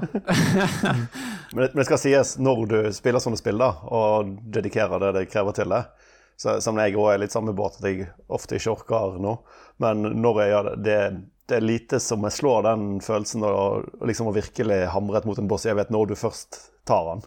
Det, da, mm. får du, da får du betalt tilbake, føler jeg, da, på en måte. ja, altså, ja, altså jeg er enig i det. Altså, den payoffen, den er helt konge. Mm. Den er det. Ja. Men å faktisk sitte og bruke tida på det, det, altså det Vel, har jeg først begynt, så er jeg investert, og da, da gjør jeg det. Altså, jeg klarer da disse utfordringene som regel. Det er, det er bare ikke det sånt jeg velger å spille når jeg skal bare sitte og ha kvalitet, kvalitetstida mi, da. Mm. Rett, rett, og slett. Men, jeg, men jeg, kan, jeg, jeg, kan, ramse opp gamle spill i fleng som jeg den dag i dag kan runde uten større problemer, men som folk flest vil se på som ganske vanskelig å utfordre spill fra, det, fra langt tilbake. Mm. Det, det, er ikke, det, er ikke, det, er ikke, det som er problemet, liksom. En ting jeg kan si i forsvar til å bruke masse tid på denne type spill, er at jeg, føler at det å liksom uh, bruke så mye tid på å være i motgang og stå opp mot noe som først virker håpløst. Jeg føler det er liksom og så få det til, da. Det er på en måte en, en ting man kan ta med seg i livet, da. Og jeg føler, det, det høres litt skrudd ut, da, men jeg føler på en måte jeg har blitt et, et sterkere menneske av å spille mye Dark Souls og sånn. Fordi liksom Hvis det er et eller annet jeg vet ikke, på skolen som er helt umulig, eller et eller annet i livet som, som jeg sliter med, så kan jeg liksom Jeg kan tenke tilbake på Dark Souls-bosser jeg har slått, og tenker at jeg har følt meg sånn før, og jeg har fått det til. ja. Uh, ja. men altså, jeg, jeg ser den. Altså, det, det, er, det, er, mange mennesker der ute jeg veit om som hadde trengt å lære å takle motgang. Mm. så det, det, er nok ikke så Tvinge inn Dark Souls i, i skolegangen. Man burde bare sånn, uh, sånn uh, Som tiende klasse burde bare være sånn at man spiller Dark Souls hele året for å lære å eh, lære å hanskes med motgang. Ikke sant? ja. Folkehelse og livsmestring er et uh, tema i uh, grunnskolen nå, så det er ja. Dark Souls til alle ungene det tenker jeg er et godt tiltak. Sett det inn i læreplanen. visse spill fra visse utviklere er unntak for min del, da. Eller nå lager ikke de sånne spill lenger, men sånn som Housemark, f.eks. Da skulle jeg bare spille alle spillene deres uansett. Og det var jo, Før så var jo det typiske sånne Arcade-spill som var eh, et nisjeprodukt, eh, det også, og vanskelighetsgraden var høy. Det er de som, det er de som har lagt Returnal, ikke sant? Det, det, stemmer, og det er nettopp det også. Det siste sånne Arcade-type spillet de ga ut, var Next Machina, mm. som er mm. helt fantastisk. Men uh, det heller solgte ikke så bra som de skulle ønske, og det, det ble liksom dråpen. Ok, nei, vi, det er ikke business i det her, vi kan ikke fortsette å holde på å lage den typen spill, vi må, vi må endre taktikk. Og ja, det neste spillet deres ble Returnal. Returnal. Det høres jo ikke ut som det var helt tabbe. Det, det har jo ikke vært for dårlig mottakelse, det heller. da. Nei, altså de har nok tjent mye mer penger på det enn de gjorde tidligere, men faen, som sagt, Next Machina og Superstarted HD, Resogun uh, oh, ja, Flere av de spillene. Ja. Ja, okay. Yes, og det, det er jo glimrende, glimrende spill. Ja, det er det. Men, uh, men uh, ja, de solgte aldri Men Returnal var for enkelt, tror du det? Mm? Returnal var for enkelt. Ikke sant? jeg må bare name-droppe de der suicide-robotene i tredje biom, biome. Altså, fy faen. yes. Mm. Uh, en ting som jeg uh, føler litt på når det er snakk om vanskelige spill, er at uh, du kommer ikke fra det at vanskelighetsgrad er, og utfordring, at det er gameplay og designelementer. Det er altså Selvfølgelig, det er lett å si at det hadde ikke gjort noen ting for meg hvis From Software hadde laga easy mode i spillene sine. Men nå var det senest i dag så jeg at det var en nyhet fra Team Ninja. De lager jo Neo-serien, som bare er eh, Soulsborne bare med samuraier og ninjaer og Og loot. Eh, Masse loot. Ja. Masse loot, ikke minst. Min favoritt, Lootwatch med Nicolas. Her er det loot. Nye spalten Lootwatch. Her er det fargekodet uh, rarities og lootalarm. Fins det noe bedre? Det gjør det ikke. det, vet du. Nio, Nio tar for seg mye sånn nye arkeologiske utgravninger når det kommer til japansk historie. Absolutt. det er utrolig mye historie man lærer av dataspill i det hele tatt. Det er Men, jeg, kanskje det viktigste vi har. Ikke sant. Men uh, ja, det hadde ikke gjort om det var en easy mode, men jeg, jeg, tror ikke jeg ville hatt det heller, egentlig, i Dark Souls. For det, det, er, ikke, det er liksom egentlig ikke den riktige måten å spille spillet på. Det er Easy mode skal være det du går til for å, bare for å lære spillet hvis du har litt problemer. Mm. Men det, er, eh, det, som, det, som, jeg har sett noen ganger, er det at folk snakker om at oh, det er med vanskelighetsgrad. Altså det er det de kaller for et accessibility issue. Altså de sier at det er, eh, det er gatekeeping, hvor man uh, på en måte skal si at oh, klarer du ikke å spille Dark Souls, da, du, da får du ikke lov til å spille det, da er du ikke god nok. Det er, sånn, det er en skittig holdning å ha i det hele tatt, syns jeg. Men um, jeg er heller ikke enig i at eh, alle spill skal tilpasses at eh, hvem som helst kan spille. Og du kan si da, altså Motargumentet mitt er at det er ingen som sitter og klager på at uh, Hearts of Iron er så vanskelig å spille, det er så vanskelig å spille Crusader Kings, vi må ha en easy mode. Folk bryr seg ikke om det. Det er bare at Dark Souls og den serien der har klart å få en del mainstream eh, oppmerksomhet, og da vil folk eh, ha tilpasninger så de kan klare å mestre et veldig vanskelig spill. Helt enig. Altså Når jeg sier at jeg ikke har lyst til å sitte og bli frustrert og stange imot eh, når jeg skal sitte og kose meg, så det betyr ikke at jeg ikke vil ha en utfordring i det hele tatt. Nei, nei, det er ikke det er jeg, vil at, jeg vil at spillet, spillet skal ligge på den, liksom, den perfekte balansen, hvor jeg, liksom, jeg, hvor jeg i 90-95 av spillet så klarer jeg meg greit. Og så, Ja. Og så går det dritt nå og da, ja, ja klart, men altså, jeg har en, jeg har en god progresjon, ikke sant? Ja. Istedenfor å å møte en sånn boss som du må dø på 30 ganger før du Så det jeg hører her, er at Terje vil ha easy mode, og han er casual. Nei, men det, det, det er akkurat det. For at, altså, det, det, det er ingen som vil ha spill som bare um, legger seg på ryggen og spiller, seg, spiller for deg. Det altså, når det er sagt, så har jo eh, spill som Bayonetta har jo en, en sånn modus hvor det bare som heter automode, hvor det bare så lenge du holder i gamepaden, så spiller spillet seg sjøl, og så bare vinner du. Det, jeg, jeg har aldri prøvd det, det er fordi jeg ser ikke noe poeng i det. For det er ikke noe poeng. Nei. Du må ha en utfordring, ellers så er spill meningsløse. Det er, um, Da jeg var unge, så skrev jeg jo Jeg vet ikke hvorfor, men var, da var jeg alltid sånn at jeg eh, fikk sjekket hva God Mode-koden var, og så spilte jeg alltid God Mode. For jeg, jeg, jeg vil ikke ha motstand da i det hele tatt. Da vil jeg bare være Gud. Det er bare en greie når du er øh, guttunge, øh, antagelig, for det samme gjorde jeg. Ja. Ah, Altså alle jeg, jeg, jeg hadde jo gamle dataspill, selvfølgelig. De var ofte cracka. Og i cracken var det ofte en trainer. Du kunne bare Ja, ta, ja, trykke, eh, trykke funksjonstastene, så evig liv på, eh, evig energi på, evig tid på, og gjorde jo alltid det konsekvent. Ja, ja, ja. Ja, for det, det var bare sånn Hvorfor ikke, liksom? Men, men, men på motsatt side, no, mange moderne spill har det jo eh, skru ned vanskelighetsgrad Nei, bytte vanskelighetsgrad underveis. Det kunne du ikke før. Ja. Og det er et par ganger liksom jeg har eh, vært mot slutten av spillet og bare åh, jeg er egentlig drittlei det spillet her, men jeg har lyst til å fullføre. Og så da, da, da, da skammer han meg så hardt når jeg kjører ned på easy bare for å komme i mål. Jeg har gjort det et par ganger, men det er så Ja, ja. Det er mye skam i det. Noen, spill tar, noen spill justerer jo også vanskelighetsgraden dynamisk uten å fortelle at de gjør det. Det er det som hindrer meg fra å plukke opp Death Stranding igjen, faktisk. Ja, så lenge, så lenge de klarer å gjøre det uten at du merker det, for å si det pent. da. Altså, Hvis jeg oppdager det, så at det er litt sånn pandering eh, ute og går, så blir jeg egentlig bare sur. Var ikke det i Bioshock? Jeg leste en artikkel om det, tror jeg, at de hadde sånn at eh, du skulle liksom alltid så vidt klare bossen, på en måte. At eh, Ja. når du begynte å få mindre liv, så gjorde du mer skade, og de gjorde mindre skade på deg. Og hvis du gjorde, tok det for lett, så ble bossen vanskeligere underveis. Sånn. Det, det synes jeg en, det merket ikke jeg av å spille det, iallfall. Men eh, Nei, ikke sant? det syns jeg er en veldig sånn, å, smart, kul greie for å få spillet til å føles kult, rett og slett.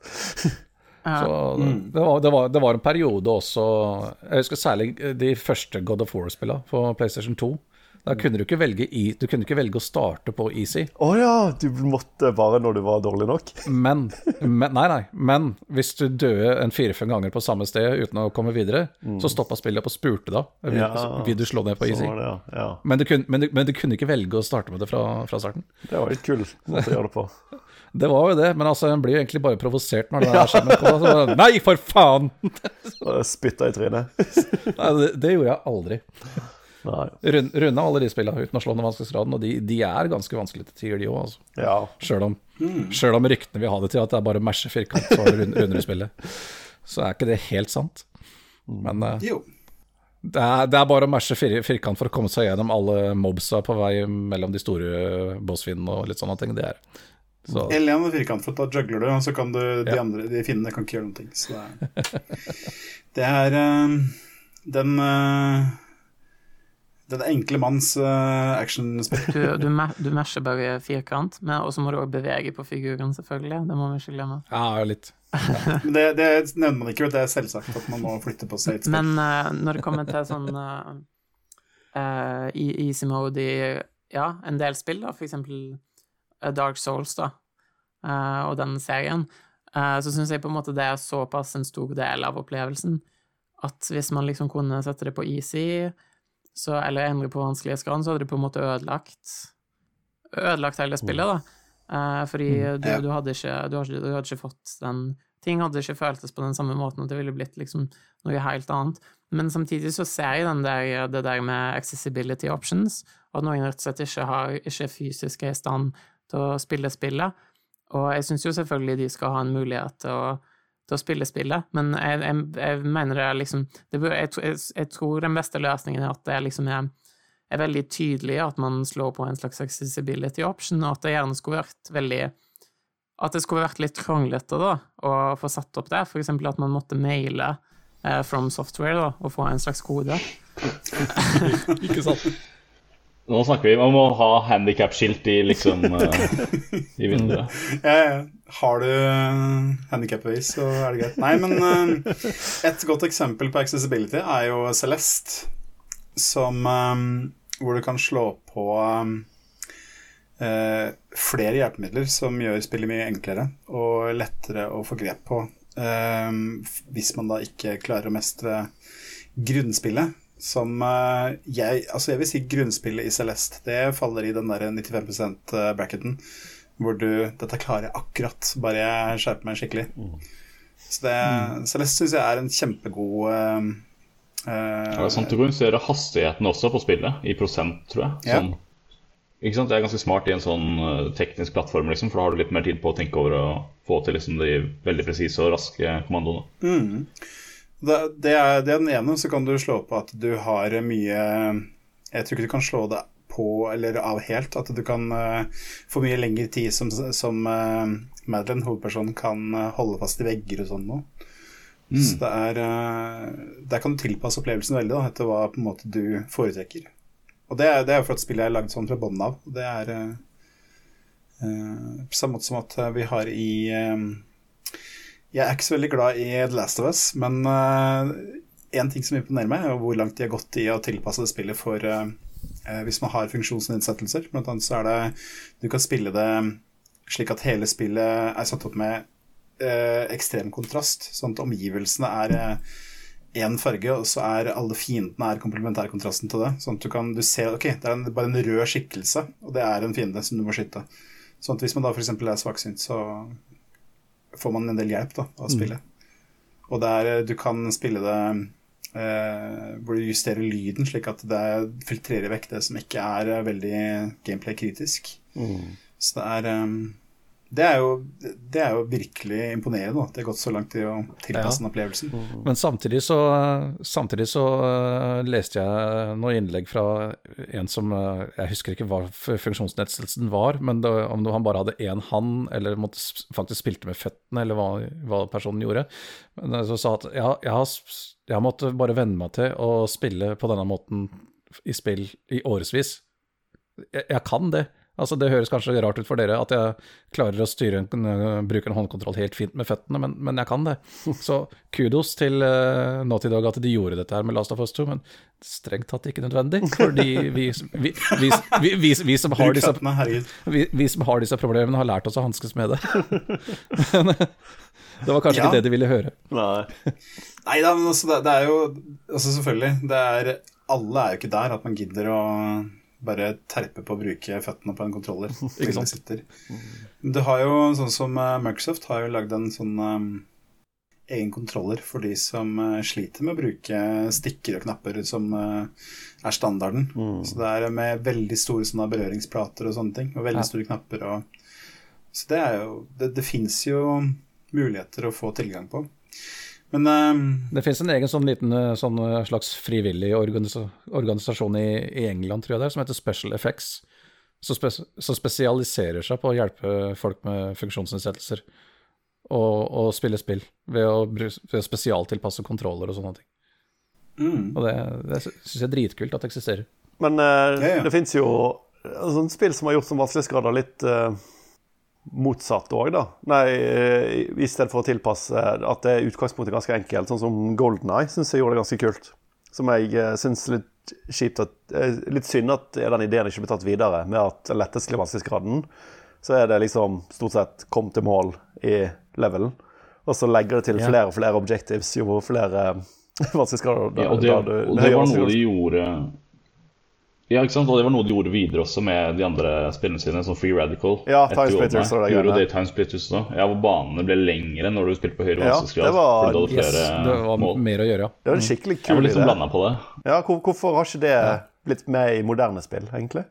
Det... Fordi jeg, Hva jeg skal gjette, så vil jeg anta at ikke du vil at liksom, folk velger vel sikkert normal som regel, og da ikke skal låses ut av liksom sånn, vet ikke, 25 av innholdet i spillet bare automatisk. Ja. Kan det være et argument? Sånn som i Timesplitter så måtte du faktisk spille easy-versjonen av banen for i hele tatt kunne prøve normal etterpå. Å oh, ja, var det, det var sånn, da? Ja. Det er mulig, da. Ja, jeg tror det var låst før det. Ja, ok. Ja. Husker jeg ikke. Og, Altså. og det, det er også en greie, for eh, det er litt interessant egentlig, dette her med temaet med at alle starter på normal. At det er liksom et nederlag å skru ned på easy. Og, og sånn har det jo egentlig vært lenge. Sånn har det vært i bortimot 20 år i hvert fall. Sånn For min del så går det mer på at det er mindre Jeg stoler mindre på utviklerne. Så jeg velger det jeg tenker Normalt tenker jeg det de, de har bygd liksom spillet rundt. Og så tenker jeg på at hvis de har fått til noe en eller annen vanskelighetsgrad, så er det den de har fått til. Så spiller jeg på den, og så kan jeg heller se om jeg skrur opp og ned hvis det er Det er sant i dag. Men i hine og håre så var ikke det tilfellet i det hele tatt. I, I gode gamle dager så var det, når du starta opp et spill for første gang, spilte for første gang, så var det meninga at du skulle starte på easy. Og så skru opp til eh, vanskelighetsgraden et, etter hvert som du begynte å takle det. Og det, det, er, det er en sånn ting jeg må ha i bakhodet. Jeg går jo tilbake og spiller gamle spill igjen. Eller spiller gamle spill for første gang, ofte også. Og da må jeg huske på det der. At uh, det, det, i de spillene der skal du faktisk starte på easy. Det er ikke, det er ikke noe nederlag i det hele tatt. Det er, det er meninga. En ting jeg syns er litt mm. det, ja, En ting jeg synes er litt Ja. uh, dritt med den nye spill med, med vanskelighetsgrad er jeg, jeg prøver å ikke bry meg om achievements, men jeg, jeg klarer ikke helt å la være. Eh, så jeg, hver, gang, sånn, hver gang jeg liksom blir litt bitt av et spill, da, så når jeg har spilt noen timer og ser ok, dette kommer jeg til å bruke litt tid på, så begynner jeg å sjekke achievements-listen. Og så, hvis, hvis jeg ser da at en achievement er complete eh, on hard, så bare åh, Betyr det at jeg må spille gjennom hele den dritten her to ganger? Ja, da, da kan jeg egentlig bare drite i alle achievementsene, for da får jeg ikke alle uansett. For jeg kommer ikke til å gidde det. Ja, for det er det som frister deg spesifikt, det er å få liksom 100% Det er ikke de individuelle achievementsene. Nei, det er liksom alt på eller ingenting. Ja, ok. Ja. Ja, for jeg syns ikke achievements kan være gøy, sånn som vi snakket om tidligere. Hvor, hvor det er liksom å gjøre noe som er litt utenom liksom hovedhistorien, eller gjøre noe du kanskje ikke ville gjort vanligvis. da Men så er det morsomt Mm. Ja. å prøve på, selv om jeg ikke får 100% Ja, jeg er jo litt enig i det, men jeg har liksom, jeg mister litt motet hvis jeg ser at OK, jeg kommer uansett aldri til å nå 100 Hvis jeg liksom ser det fra start, da, da mister jeg liksom helt motet på alle achievementsene litt, da. ja, altså da jeg, jeg gjør som deg, jeg går inn med achievement-lista, men jeg har fortsatt lyst til å ta de achievementsa som er liksom Oppnåelige. Ja. Oppnå, oppnåelige, ja. Men hvis, som du sier, hvis det, er, hvis det er noe sånn beat the game on hard, beat the game on insane, og så videre, så det kommer det aldri til å skje. Beat the Og game da- on insane without dying og sånne ting. Ja, ja, takk, takk, takk for nå. Og dermed, og, og dermed, blir det, dermed blir det lettere også å ignorere en god del av de andre Ja, da. som, ville, som, som ville vært tidkrevende å få, men det, da, da gidder jeg ikke. Jeg gidder ikke. Kanskje dette er en blessing for sånne som oss, Terje? At de har sånne for å hindre oss i å Antagelig. Jeg er he heldigvis ikke så bitt av det der at jeg må ha alle trophies og achievements og sånt. Nå var, Nei. Uh, heldigvis. Jeg har av jeg har av 100% av noen spill, men ikke, ikke i nærheten av så mange som visse andre. Nei. Det kan jeg advare dere om eh, Ridge Racer 6, som er et spill eh, hvor for å få 100 så må du klare alle løpa i spillet eh, uten å krasje eller være borti noe som helst. Ja. Dere som spilte Ridge Racer, vet hvor lett det er å få til det. Det spillet har eh, flere hundre løp du må kjøre nå, og alle må kjøres 100 perfekt. Det er, Det er eh, jeg ett menneske på kloden som har klart det. Nice, det er pretty good. Jeg husker uh, det opprinnelige Ghost Recon Advanced Warfighter 360 hadde en som var sånn Ja, nå topp 50 spillere på liksom leaderboardsene i Team Deathmatch eller et eller annet nå. Ja. Så, sånn, så da må du bli blant de 50 beste i verden for å få den achievementen. No biggie. Bullshit, vet du. Det er jo Åh, Snakkes en som ikke er blant de 50 beste i Ghost Recon. Men det er eh, det, det, det var litt interessant det vi var inne på med Timesplitters og sånt, i stad, at vanskelighetsgraden eh, omdesigner spillet ganske mye. For det er jo ikke Det har jo ikke akkurat vært vanlig opp gjennom det heller. Nei. Ganske mange, Nei. ganske mange spill, når du skrur opp vanskelighetsgraden, så enten så gjør du mindre skade, eller folk bare tåler mer juling, men det endrer egentlig ikke gameplayet noen ting overhodet. Det gjør det bare ja. Jeg syns, jeg har tenkt nå i ti sekunder Jeg syns vi skal bare slutte med vanskelighetsgrader. Drit i det, men ha accessibility options som kan være masse greier. Så er vi i havn. ja. Der er vi han Mitt, eh, mitt eksempel på et, eh, en vanskelighetsgrad som gjør spillet bedre, det er eh, originale Crisis, som er et OK spill. Eh, men når du skrur opp på den høyeste vanskelighetsgraden, for der har du easy, normal, hard, og så har du en som heter delta, som da er liksom For det er delta force, ikke sant? Um, hvor du da har veldig begrensa med energi til den der eh, maximum ama-drakta di hele tida.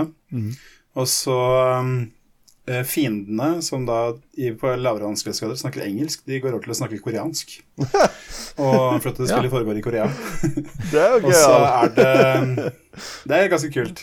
Og så er det liksom eh, Du har ikke noen sånne indicators eller noen ting. Det er bare Du må bruke iron sights eh, for å kunne sikte i det hele tatt. Det, da blir Crisis plutselig et eh, stealth shooter-spill, og det er mye kulere enn det middelmådige FPS-et det egentlig var. Så det Spill Crisis på den høyeste vanskelighetsgraden. Det er moro. Ah, jeg, har- et sånt eksempel uh, sjøl.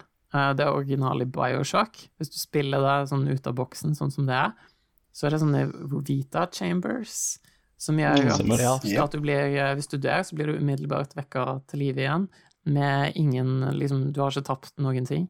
Eh, og det, det syns jeg egentlig ødelegger hele spillet. Altså, jeg synes det, Hvis man spiller det sånn, så syns jeg det er et veldig dårlig spill.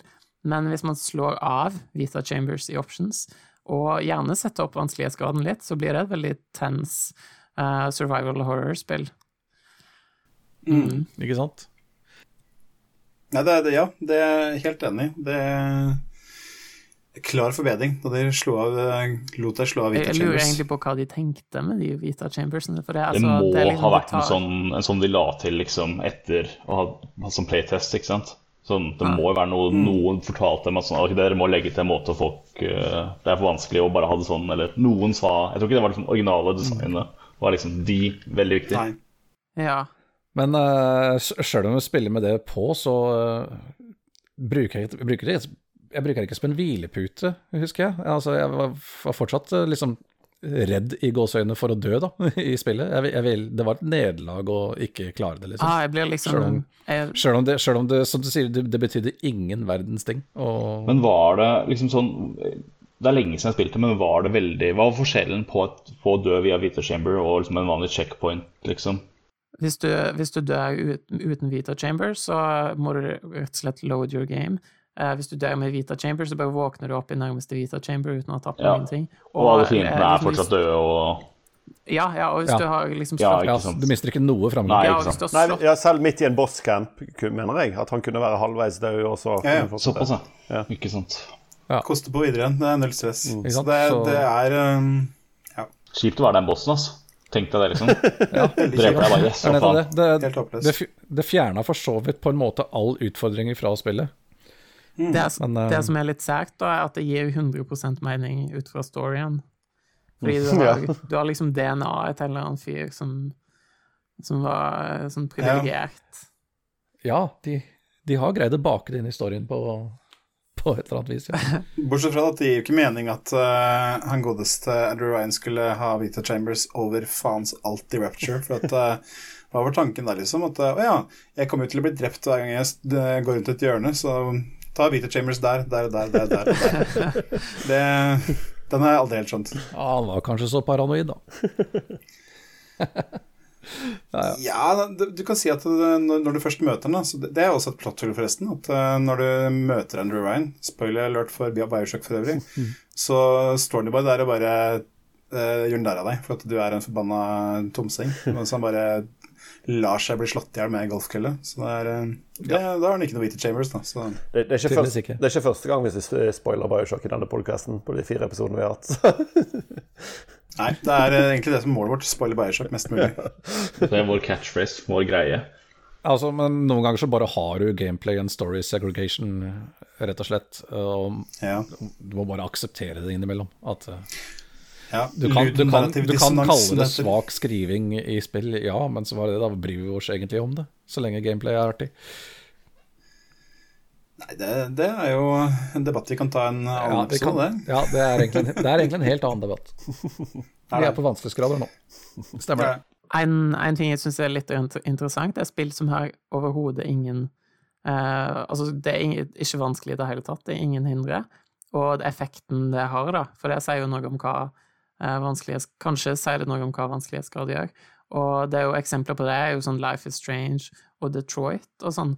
Og jeg tenker effekten det har, er jo at det skaper mye større eh, emosjonell innlevelse. Det føles liksom mer ekte, det som skjer. Jeg husker Prince of Persia til Xbox 360 eller noe sånt, så var det et veldig stort poeng at, at hovedpersonen aldri kunne dø, fordi designeren mente at eh, hvis man døde, så ble man tatt ut av gameplayet. Eller eh, man ble tatt ut av historien, da. Og det, det syns jeg er veldig interessant. Mm. Ja. Det, det, er jo mange spill som uh, Altså, når jeg sier det at uh, uh, spill må ha en utfordring, så er jo det med visse modifikasjoner, selvfølgelig. Det finnes jo mange eksempler på spill som ikke er utfordrende i det hele tatt, men som likevel er kule. For eksempel et spill jeg var veldig glad i i en periode, det var jo Nobby Nobby Boy til PlayStation 3. Ja. Som hvor det verken er noe konflikt eller noe hindringer eller noe som helst. Er bare, du er bare en diger kålmark som skal spise ting og bæsje. Men hva er motivasjonen min for å være en diger kålmark? ja, er, du føler deg ikke som diger kålmark. Nei, men altså, det er, det er mange, mange, spill som, som, eh, Selvfølgelig så er det mange spill som ikke har noen utfordringer, som er likevel gir mening, men da må det jo være noe annet der. ikke sant? Det er jo det her med som du sier, Alexandra, med liksom at eh, du føler deg mer knytta til historien, kanskje. Walking Simulators er jo et eksempel på det. Mm. Hvor du, hele poenget er opplevelsen. Og det er uh... Jeg tror hele poenget er gåinga. Simulering av gåing på navnet. Ikke sant. Ja. For noen skritt vi tar når ja. vi går i ja, Sykt bra gå-feel her nå. Altså. Det kjennes akkurat som jeg går i virkeligheten. Men altså sånne, sånne, sånne såkalte vandresimulatorer jeg, jeg, jeg, jeg, jeg, har ikke lyst til å kalle dem spill engang. Det kaller jeg et interaktivt narrativ. Ja, men Det er fordi du er trangsynt og gammel, men det er greit. ja, ok. Helt enig. Ja, men uh, altså, det er, selvfølgelig det er, det er, altså, det er vanskelig det, det, debatten uh, legger vekt på her, er vel egentlig at det er vanskelig å være kategorisk når det gjelder, når det gjelder spill. Da. Man har forskjellige preferanser. Men um, det er akkurat det som jeg syns er poenget. At uh, du kan ikke redusere utfordringen i et spill til et accessibility issue. Du må si at det er en del av designet. Det er hele poenget. Noen spill er vanskelige, og er meninga å være vanskelige, og ment at du skal bryne deg på dem. Hvis du ikke liker det, så fins det andre spill som ikke er like harde. Hva, hva er noen spill som dere syns er sånn skikkelig bra vanskelighetsgrad? Hmm. Tetris. Tetris, ja. Absolutt. Ja, ja. Uh, bruker du hold Q i Tetris, så er det, det er cash for casuals. Nei, det er det ikke. Nei, det er ikke det. Um, jeg tøyser nå, men nei. nei, men også vanskelighetsgrad. Ja. nei, men uh, spill med veldig bra vanskelighetsgrad. Altså, jeg har nevnt noe allerede. Jeg, jeg syns jo Soulsborne er veldig bra. Uh, Hyperlight Drifter er, uh, som sagt, det er uh, kanskje for meg det beste eksempelet på at det er vanskelig, men veldig rettferdig. At du hele tida skjønner hva du må gjøre for å kunne mestre utfordringene. Og det er um, har også ekstremt bra pacing. Der er det Du kan egentlig velge hvor du vil gå inn på starten av spillet, og så er det eh, fire områder med omtrent like bra Nei, unnskyld, tre områder med omtrent like bra eh, av vanskelighetsgrad. Og så låser du opp det fjerde området til slutt. Da forventer spillet at det, nå har du klart det gjennom alt det andre, nå skal du vise hvor god du er, da. Da får du den eh, Eh, hele spillet blir krona med at du får en eh, i praksis en boss gauntlet. Da. Altså det er en sånn uh, sekvens hvor du må ta tre eller fire bosser, tror jeg. Jeg husker ikke helt. Som alle mikser opp veldig. Det gameplayet vi har vært innom de foregående ti timene. Og det når du liksom kroner eh, en vanskelig spillopplevelse med at du får en enda vanskelig utfordring som eh, virkelig tester deg, det syns jeg er kjempekult. Mm. Det klarer det å spille kjempebra. Mm. Ser, jeg syns faktisk Det er jo en klisjé, nesten, da, men uh, uh, moderne de, de, nyere Mario-spillene syns jeg gjør det der veldig bra. Uh, at hovedspillet er liksom ganske sånn jevn oppbygging, også, men det er liksom sånn de aller fleste har god sjanse til å klare. Og så unlock hva du etterpå, da. Sånn, eh, og hvis du gidder å gå sideveien og sånn, så er det noe sånn skikkelig hardcore greier. Men da må du Så liksom for, for, de som vil ekstra, så får du de, der, de, greiene der. Og så kan man på en måte stoppe når man vil, men uh, rulleteksten, da de fleste er klare. Min, min største kritikk av Odyssey tror jeg var det at jeg syns bare fordelingen Jeg skulle gjerne sett at det var litt flere av de liksom, hypertekniske og vanskelige brettene. Mer av den type Ja, du, vil, du vil ha litt mer punishing? Du, du liksom søvngår veldig Eller ikke det jeg sa, ja. men jeg syns det er litt, litt, for enkelt kanskje frem mot slutten. Ja. Eh, men jeg, altså, jeg, det er knallspill uansett. Også. Bare for min egen del så syns ja, jeg Nettopp fordi det er så tight, syns jeg det er veldig morsomt når du får de litt mer krevende seksjonene. Og, ja, det er det. Og det er, og det er veldig gøy. Mm. Derfor er når du Jeg syns jo at eh, Odyssey gjør det samme som Happy Light Drifter. At når du har kommet til rulleteksten, så får du de der eh, ekstra kubene som du kan knese, og så låse opp eh, noen eh, litt hardere utfordringer, og så kommer du til eh, månebretta på slutten. Ja. Da er det Darker Side of the Moon. da er hanskene vekk. Hanskene av. Ja. Darkest side, er det ikke det som er det ja, det var det kanskje. Jeg husker ikke helt navnet, men det var Nei, jeg koste meg med akkurat det navnet. Ja. Darkest side. Jeg, jeg har veldig sansen for den måten å strukturere et spill på, da. Selv om kanskje man kunne hatt en, ønsket seg en annerledes balanse i, i Mario eh, Odyssey, så liksom dette her med at man har en, en, en, eh, en vei som alle kan komme seg gjennom, og så kan man liksom gå i dybden hvis man ønsker seg det. Eh, men Ja. ok, sånn spill jeg syns har perfekt vanskelighetsgrad, og jeg, jeg er veldig glad i spill som, som egentlig er ganske chill store deler av tiden, men når det liksom passer med historien, da, så biter det fra seg. Um, sånn et eksempel er Metal Gear Solid 2, da, som er ganske grei skuring. Men så skal du eksempel slåss mot sånn 1000 Metal Gear X eh, ganske seint i spillet. Eh, også, og det, det husker jeg er ganske vanskelig.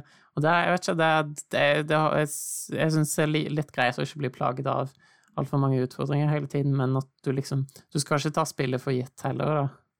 Mm. Det er jo det er noe med det at uh, en ting som jeg husker uh, var gjenganger i gamle dager, det er det her med difficulty spikes. At uh, ah, det er bra spill, men så kommer det en skikkelig spike. Sånn uh, to tredjedeler uti, og da Noe er det ikke noe å sånn legge. filter.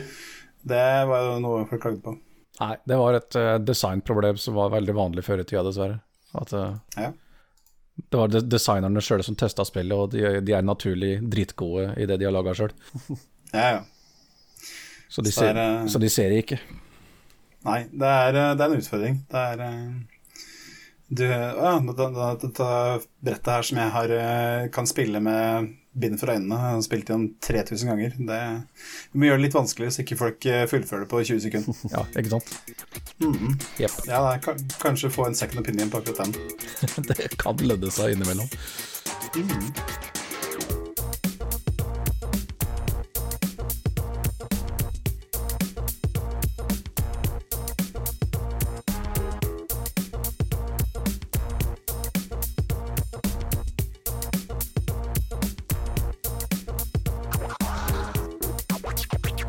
Som vanlig så er det min mening som er riktig, så det er uh, bare å høre igjen det jeg sa en gang til. Så Ja. har det. Vi er alle vant til at vi, skal, kan gjøre det, så er det greit. vi er alle vant til at vi må være enige med, med det. Hvis vi skal komme oss videre. Ja, det er veldig enkelt, egentlig. Skjønner ikke hvorfor folk ikke tar det med en gang. Ja, nei, nei. At ikke dette bare er en solopodkast for deg, Trygve, egentlig. Hvor du bare forteller oss eh, Ja. Hvor du bare gir din mening om temaet, så er det greit. Nei da. Sorry. Nei, nei, nei, Nei, det ble altså, bra. er, det, er, det noen som, er det noen som sitter og brenner på masse eh, Nei, nei, nei, jeg saftige bare- takes? Nå må vi ha litt beef her. Det er bare Nå, blir det litt drama. Diskusjon er bra. forsøkt meg på en liten morsomhet, og den krasja i utførelsen. Så det, Heldigvis er du som klipper. Jeg er glad i deg det der. ja, det er, det er heldigvis jeg som klipper. Så er det ja, artig med episode fire. Trygve sa nesten ingenting. Det var rart, det. Tilbakemeldinga der.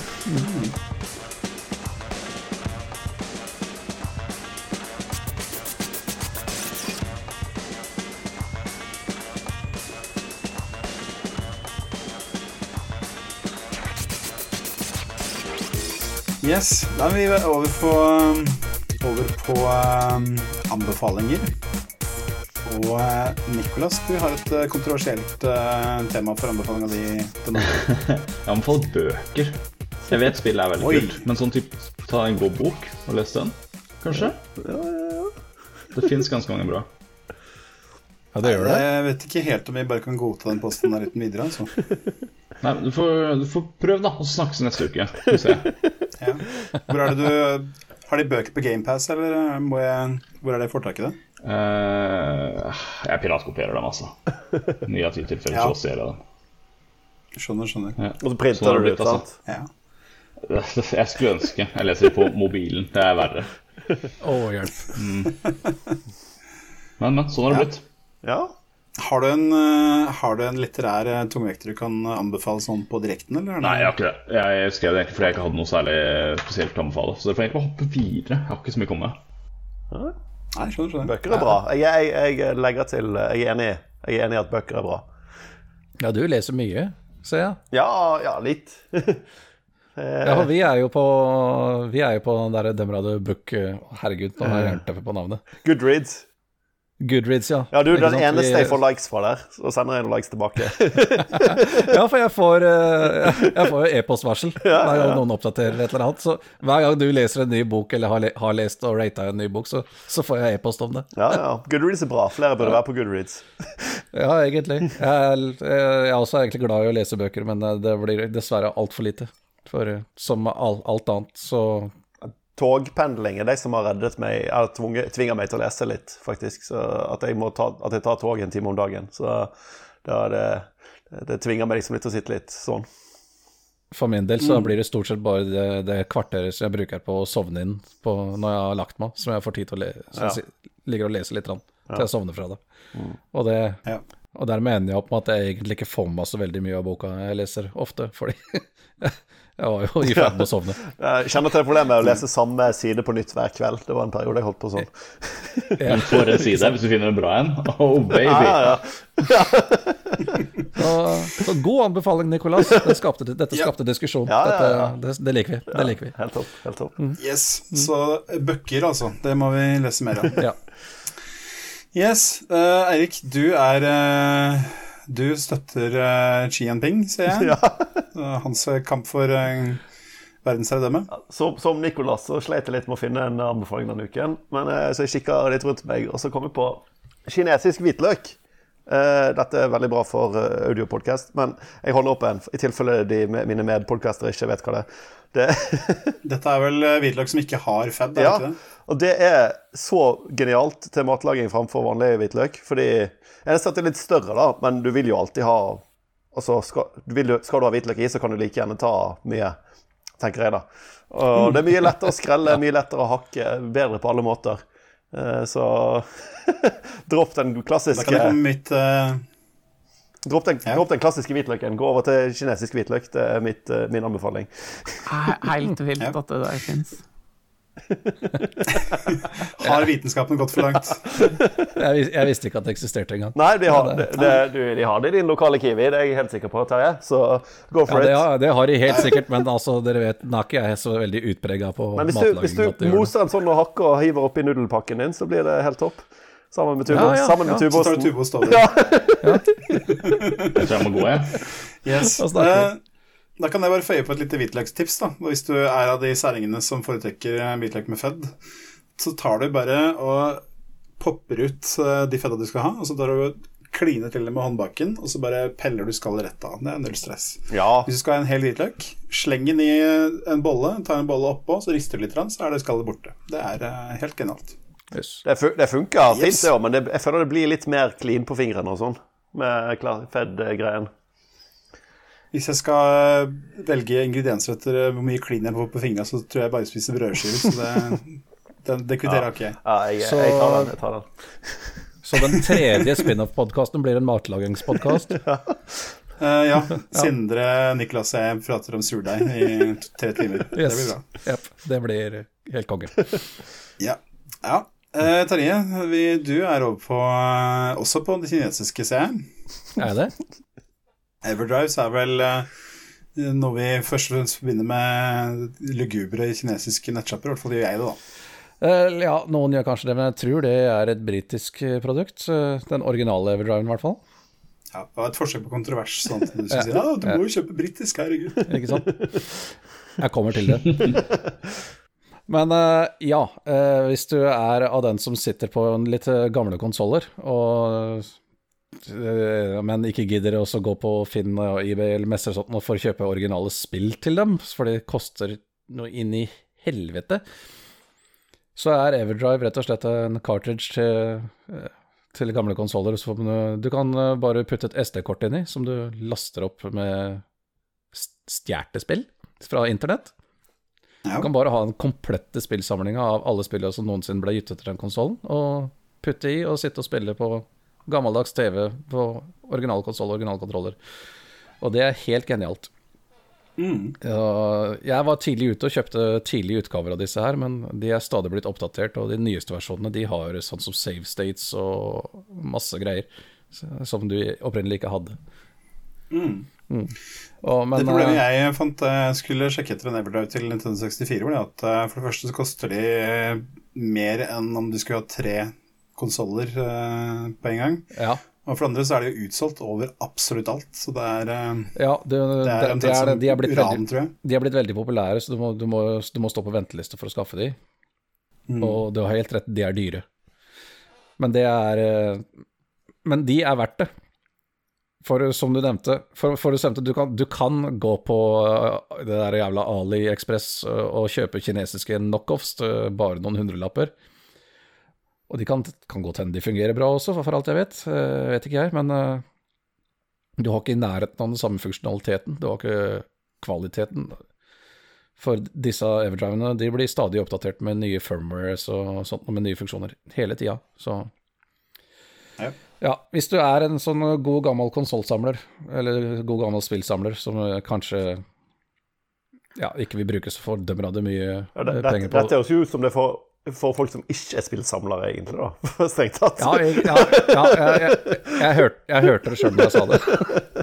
Men, eh, men ja, det er sånn er det i hvert fall for min del. For eh, jeg er jo mest interessert i de gamle datamaskinene. Og sånn som konsoller og sånt, og det er bare sånn eh, Ja, jeg eier dem, men nei, jeg er ikke interessert i å ha hylla full av originale Nintendo cartridges.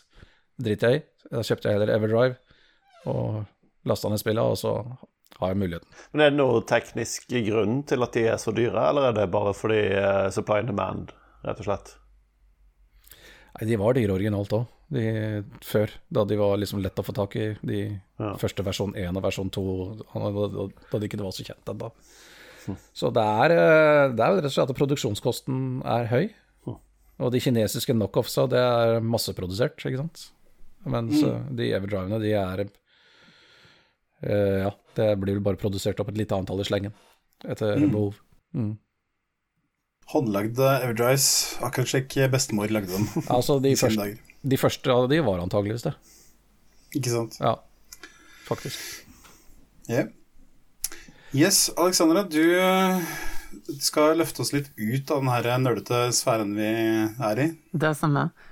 Uh, så altså, det finnes Altså, verden kan være et ganske tøft og mørkt sted, men så finnes det liksom positive ting, da, som er utelukkende rein uh, glede og lykke og snillhet og godhet. Og eksempler på det er Final Fantasy-spillserien, uh, Star Trek The Next Generation og yoga. Uh, så det er noe jeg har begynt med i det siste. Ja. Uh, den ene tingen jeg vil trekke frem med deg, er at det er som når du får en ny bil i Gran Turismo, og den, den, bilen er så smidig, og alt fungerer Det er litt den samme følelsen man får i kroppen da, uten at man blir i spesielt god form av det, men man får liksom, man får liksom Det føles som man får en ny kropp. Og det andre som er bra med det, er at det er mye sånn meditasjon og new age som jeg syns er sinnssykt fint. Det, det gjør meg glad. Sånn for eksempel hver time så begynner man med at man sitter i lotusstilling, og så lager man, lager man en sånn rar lyd sammen. Og så sier yogainstruktøren uh, denne lyden er lyden av universet. Uh, og så når man er ferdig med alle øvelsene, da, så legger man seg ned på matten, og så tar man på sånn teppe, og så setter du på sånn avslappende musikk, uh, og så eh, tenne duftlys, og så går vi frem og tilbake og ringer i bjeller. Eh, og det er bare helt fantastisk. Eh, det, det, anbefales. Mm, ok. Hvordan skal vi tolke latter, ja, men, latteren din når du fortalte om dette, egentlig? Hva sa du? Hvordan skal vi, hvordan skal vi tolke latteren din når du fortalte om dette? Bjellen og sånn. bare, at, bare at det fyller meg med så mye glede. Ja, ok. Nei, altså, jeg, jeg digger yoga. Jeg skjuler meg bak, eh, bak litt ironi, da. Uh, mm. Jeg tenker Det med å sette seg ned og lage lyder, det er jo på mange måter det vi gjør her allerede nå. Abs absolutt. ja, ja. Nei, så jeg, jeg, blir, jeg, blir, veldig tiltrukket av ideen om at du skal trene, men ikke bli i bedre form. Det, der, der, har du meg med en gang. Altså. Men, det, men det skal sies, jeg har, jeg har ja, jeg har et familiemedlem som er veldig glad i yoga. Og eh, eh, drev og viste meg litt og sånn, og tvang meg med på en time og greier. Jeg, jeg var overrasket over hvor, hvor jævlig sliten det blir av det. Det, det, det er faktisk trening, altså. Selv om det ikke ser sånn ut ofte. Så jeg, jeg ble totalt kjørt av det, iallfall, når jeg var med på det. Min erfaring med yoga kommer fra WeFit. Ja. Det jeg fikk ut av det, var at eh, det der med pusteøvelser, det syns jeg var fint. Det bruker jeg når jeg skal sovne, f.eks. Ligge og pese litt og gjøre det veldig sakte. Det hjelper for å få sovne. I hvert fall for meg. ja, det gjør jeg òg. Det er skikkelig snedig, men jeg har merka at når jeg løper og blir sliten, så har jeg begynt å puste på en yogamåte. Det bare skjer av seg sjøl. Akkurat. Mm. Ja, men det er jo det er egentlig et fint tips. Um, Jeg er jo forholdsvis fremmed for eh, fysisk aktivitet, så det er eh, nye inngangssporter. Det er, tar, man, tar man imot med takk. Mm. Yes. Jeg har, eh, nå har jeg, jeg Altså, jeg tenker bare på meg sjøl i podkasten, det er ikke noe nytt. Men jeg har spart min til slutt. Det er fordi at vi skal holde oss litt innenfor kroppens domene. Yes. Fordi at eh, på, på fredag så hadde vi personalfest på jobben. Og eh, i, mine kolleger de er jo da en nøktern gjeng, som regel. Og når man da får eh, helt innpå litt alkohol, så er man litt mindre nøktern. Så en av mine kvinnelige kolleger hun begynte å legge ut om en podkast hun hadde hørt på, sånn der erotisk lesesirkel med um, ja, to kjente damer. Jaha. Uh, ja, det er bare å google det. Jeg gidder ikke å reklamere for de. Det er konkurrerende podcaster, det skal ikke komme ting av. Nei. Så eh, i hvert fall hun nevnte at det ble litt kleint å høre på det med, med, med en venninne, som var settingen hun hadde hørt på de. da. Jeg var jo litt breial, jeg òg, så jeg sa at ja, vi gutter vi kan bare høre på sånn og så flire av det og ha det moro. Det er ikke noe kleint. Så jeg sa ja, men da kan du skrive en erotisk novelle, da, Trygve. Du som er så god til å skrive og er så stor i kjeften. Så sa ja, men det kan jeg gjøre. Og så begynte da damen å stille krav, annet at det skulle, hva den skulle hete, hvem som skulle være med, og da skulle jeg være i hovedrollen. Det skulle være med en, eh, en ung, kjekk gutt da, som skulle være min partner. Ja. Og dette er et nytt segment. ikke. Eh, Hva sa du? Dette er et nytt segment på podkasten. Det må jo bli det. I hvert fall Poenget er at jeg har jo faktisk skrevet en erotisk novelle hvor jeg er hovedrollen og har meg med en eh, ung kjekkas. Så det, ja. det, er, det er litt for å på en måte vise at du får faen meg passe kjeften din når du er på fylla. Så det er eh, For at jeg gjør faktisk det der. Og, så jeg har 5000 ord med homoerotikk på harddisken. Så den egentlige anbefalingen din er at når du er ute på fylla, så hold kjeft. Det er vel egentlig det, ja. Ja. Det var der- derfor, derfor forrige episode tok så lang tid å kleppe. Ja, det er derfor. Nei, altså, det er eh, jeg, Faktisk så sparte jeg den novelleskrivinga til etter at jeg hadde klippet. Så det er eh, jeg er ikke, jeg er ikke, jeg er ikke så samvittighetsløs. Nei, men eh, den egentlige anbefalinga er det at uh, å gå inn i den verden av erotiske noveller, det var en opplevelse. For at det er flere, det er flere sider på nett hvor, hvor du kan lese erotiske noveller Er det fra det? De danske land. Ja. Det er uh, den som de bruker i podkasten, var uh, Nei, hvem skulle trodd? Den uh, som var, ble fremheva i podkasten, det var nytelse.no. eh, Som er selvfølgelig en sexbutikk hvor du kan kjøpe hjelpemidler. eh, Og lese noeller. For inspirasjon, står det da. Jeg vet ikke helt hvor inspirert jeg blei, men det er i hvert fall veldig artig. Det er Det jeg konkluderte med etter at jeg, hadde lest litt der, det var at det erotiske novelle-communityet har ennå ikke funnet sin knausgård, altså. Det vi, Det blir ikke nobelpris med det første der. Det var eh, Noen er veldig, veldig sånn eh, Hvor man prøver å legge inn litt sånn eh, følelser og bygge opp litt stemning og sånn. Og så er det noen som bare sånn eh, hva var det det var? Eh, to eh, vennepar og en singel kompis på hytta, og så skal vi til badstue, eller? Ja, oi, se på størrelsen på den. Den var stor. Så spennende. Det, var, det var liksom veldig rett på, da. Og det er um, Det er veldig så stor bredde, vil jeg si. Og det, jeg, altså, dette er verden jeg ikke ante eksisterte. Det er som det høres ut som vanskelighetsgrad i spilldiskusjonen. Absolutt. Nei. Vi må ikke redusere erotikken i novellene til et accessibility issue. Det er veldig viktig. Men vi har jo en i bransjen her. Har dere egen uh, bokavdeling med, uh, der man kan få mulighet for fans å gi bidrag i butikken din? Alexandra? Unnskyld? Uh, du er jo i bransjen. Ja, jeg er i bransjen, det stemmer. Ja, Har dere en egen bokavdeling der f.eks. Uh, kunder vi, vi kan bidra? Vi selger, vi selger DVD-er. Ja. Der har du Untapped ja. Market. Der, der, no, der, må du ta opp som forslag. Og selge, selge litteratur? Ja, absolutt. Det, det skal jeg gjøre. Det skal, gjerne det skal av, skrev, skrevet av kunder. Ja, det er kanskje en ganske god idé. At man får et sånt interaktivt element. Ja, ja. Og gir god reklame til, til, til, butikken med en liten workshop. Ja. ikke dumt. Ikke dumt. Nei. Det, det jeg fant ut som var utfordringa, var det at du må altså det med bildebruk og metaforer og sånn, er veldig viktig når du skriver erotiske noveller. Det ble veldig tydelig veldig fort. Så jeg merka at jeg gikk litt på tomgang etter eh, å ha skrevet et par scener. Altså. Det... Men forrige ukes anbefaling, Trygve, den kan jo kombineres veldig bra med denne ukes anbefaling for deg? Ja. Nå må du nesten minne meg på hva min anbefaling forrige uke var. Det, det, var, det var tegning. Ja, stemmer. Uh, ja, selvfølgelig. Det, men det, det, ja, det er riktig. Det er tegn par pupper og skrive om dem. Ja, det er uh, dagens anbefaling. Ja. Eroti erotiske tegn tegneserier, det, det, er noe nytt, eller? uh, vet ikke jeg helt hva du leste, du var Men er vi kanskje ferdig snart, da, eller? Det skal jeg ha. Vi er vel apropos gå opp tomgang osv. Ja, ok, vi har kanskje melka den der. Spar det til erotisk novelle-podkasten. Ja, da, da. Hvor mange spin-offs har vi lansert i løpet av den ene episoden her? Det er fire, tror jeg. Jeg ville bare spørre hvordan man kunne kombinert erotisk novelle, tegning og kinesisk hvitløk. det har jo litt sånn uh, gøyal, inspirerende form, da, om ikke annet. Ja, du kan ta, kan ta deg runk mens du skriver tegner og lager mat ja. på kjøkkenet. Nei da. Mm. Herlig. Med de bevingede ord så er vi vel eh, ferdige for dagen, tror jeg. Yes. Men da har vi sekk på. da har vi eh, noe vi kan grunne på i resten av våre dager, tror jeg.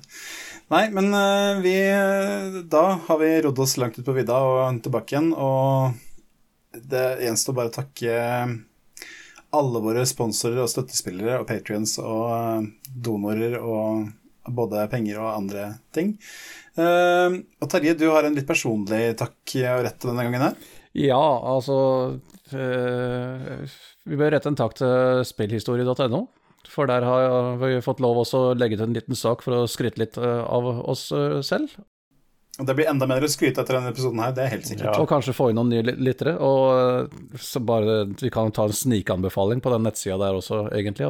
Joakim Froholt gjør jo en kjempejobb der, og skriver masse massevis av fine artikler om selvfølgelig spillhistorie. Mm. Tar også imot bidrag fra andre bidragsytere innimellom, og jo da, en og annen gang sånn cirka hvert skuddår så dukker det opp en artikkel fra meg også innimellom. Så det er yes. et uh, fin nettside, og så yes. Veldig bra. Mm. Takk, takk, til dem. Takk til spillhistorie.no, en nydelig side som man må sjekke ut hvis man er spillinteressert i det hele tatt. Yes. Da gjenstår det bare å si tusen hjertelig takk til dere som eh, gadd å være med i kveld på denne diskusjonen, hvis vi kan kalle det. Uh, og tusen takk til dere som hørte på. Takk for oss. Ha en riktig god dag. Ha det bra. Hei da. Ha det.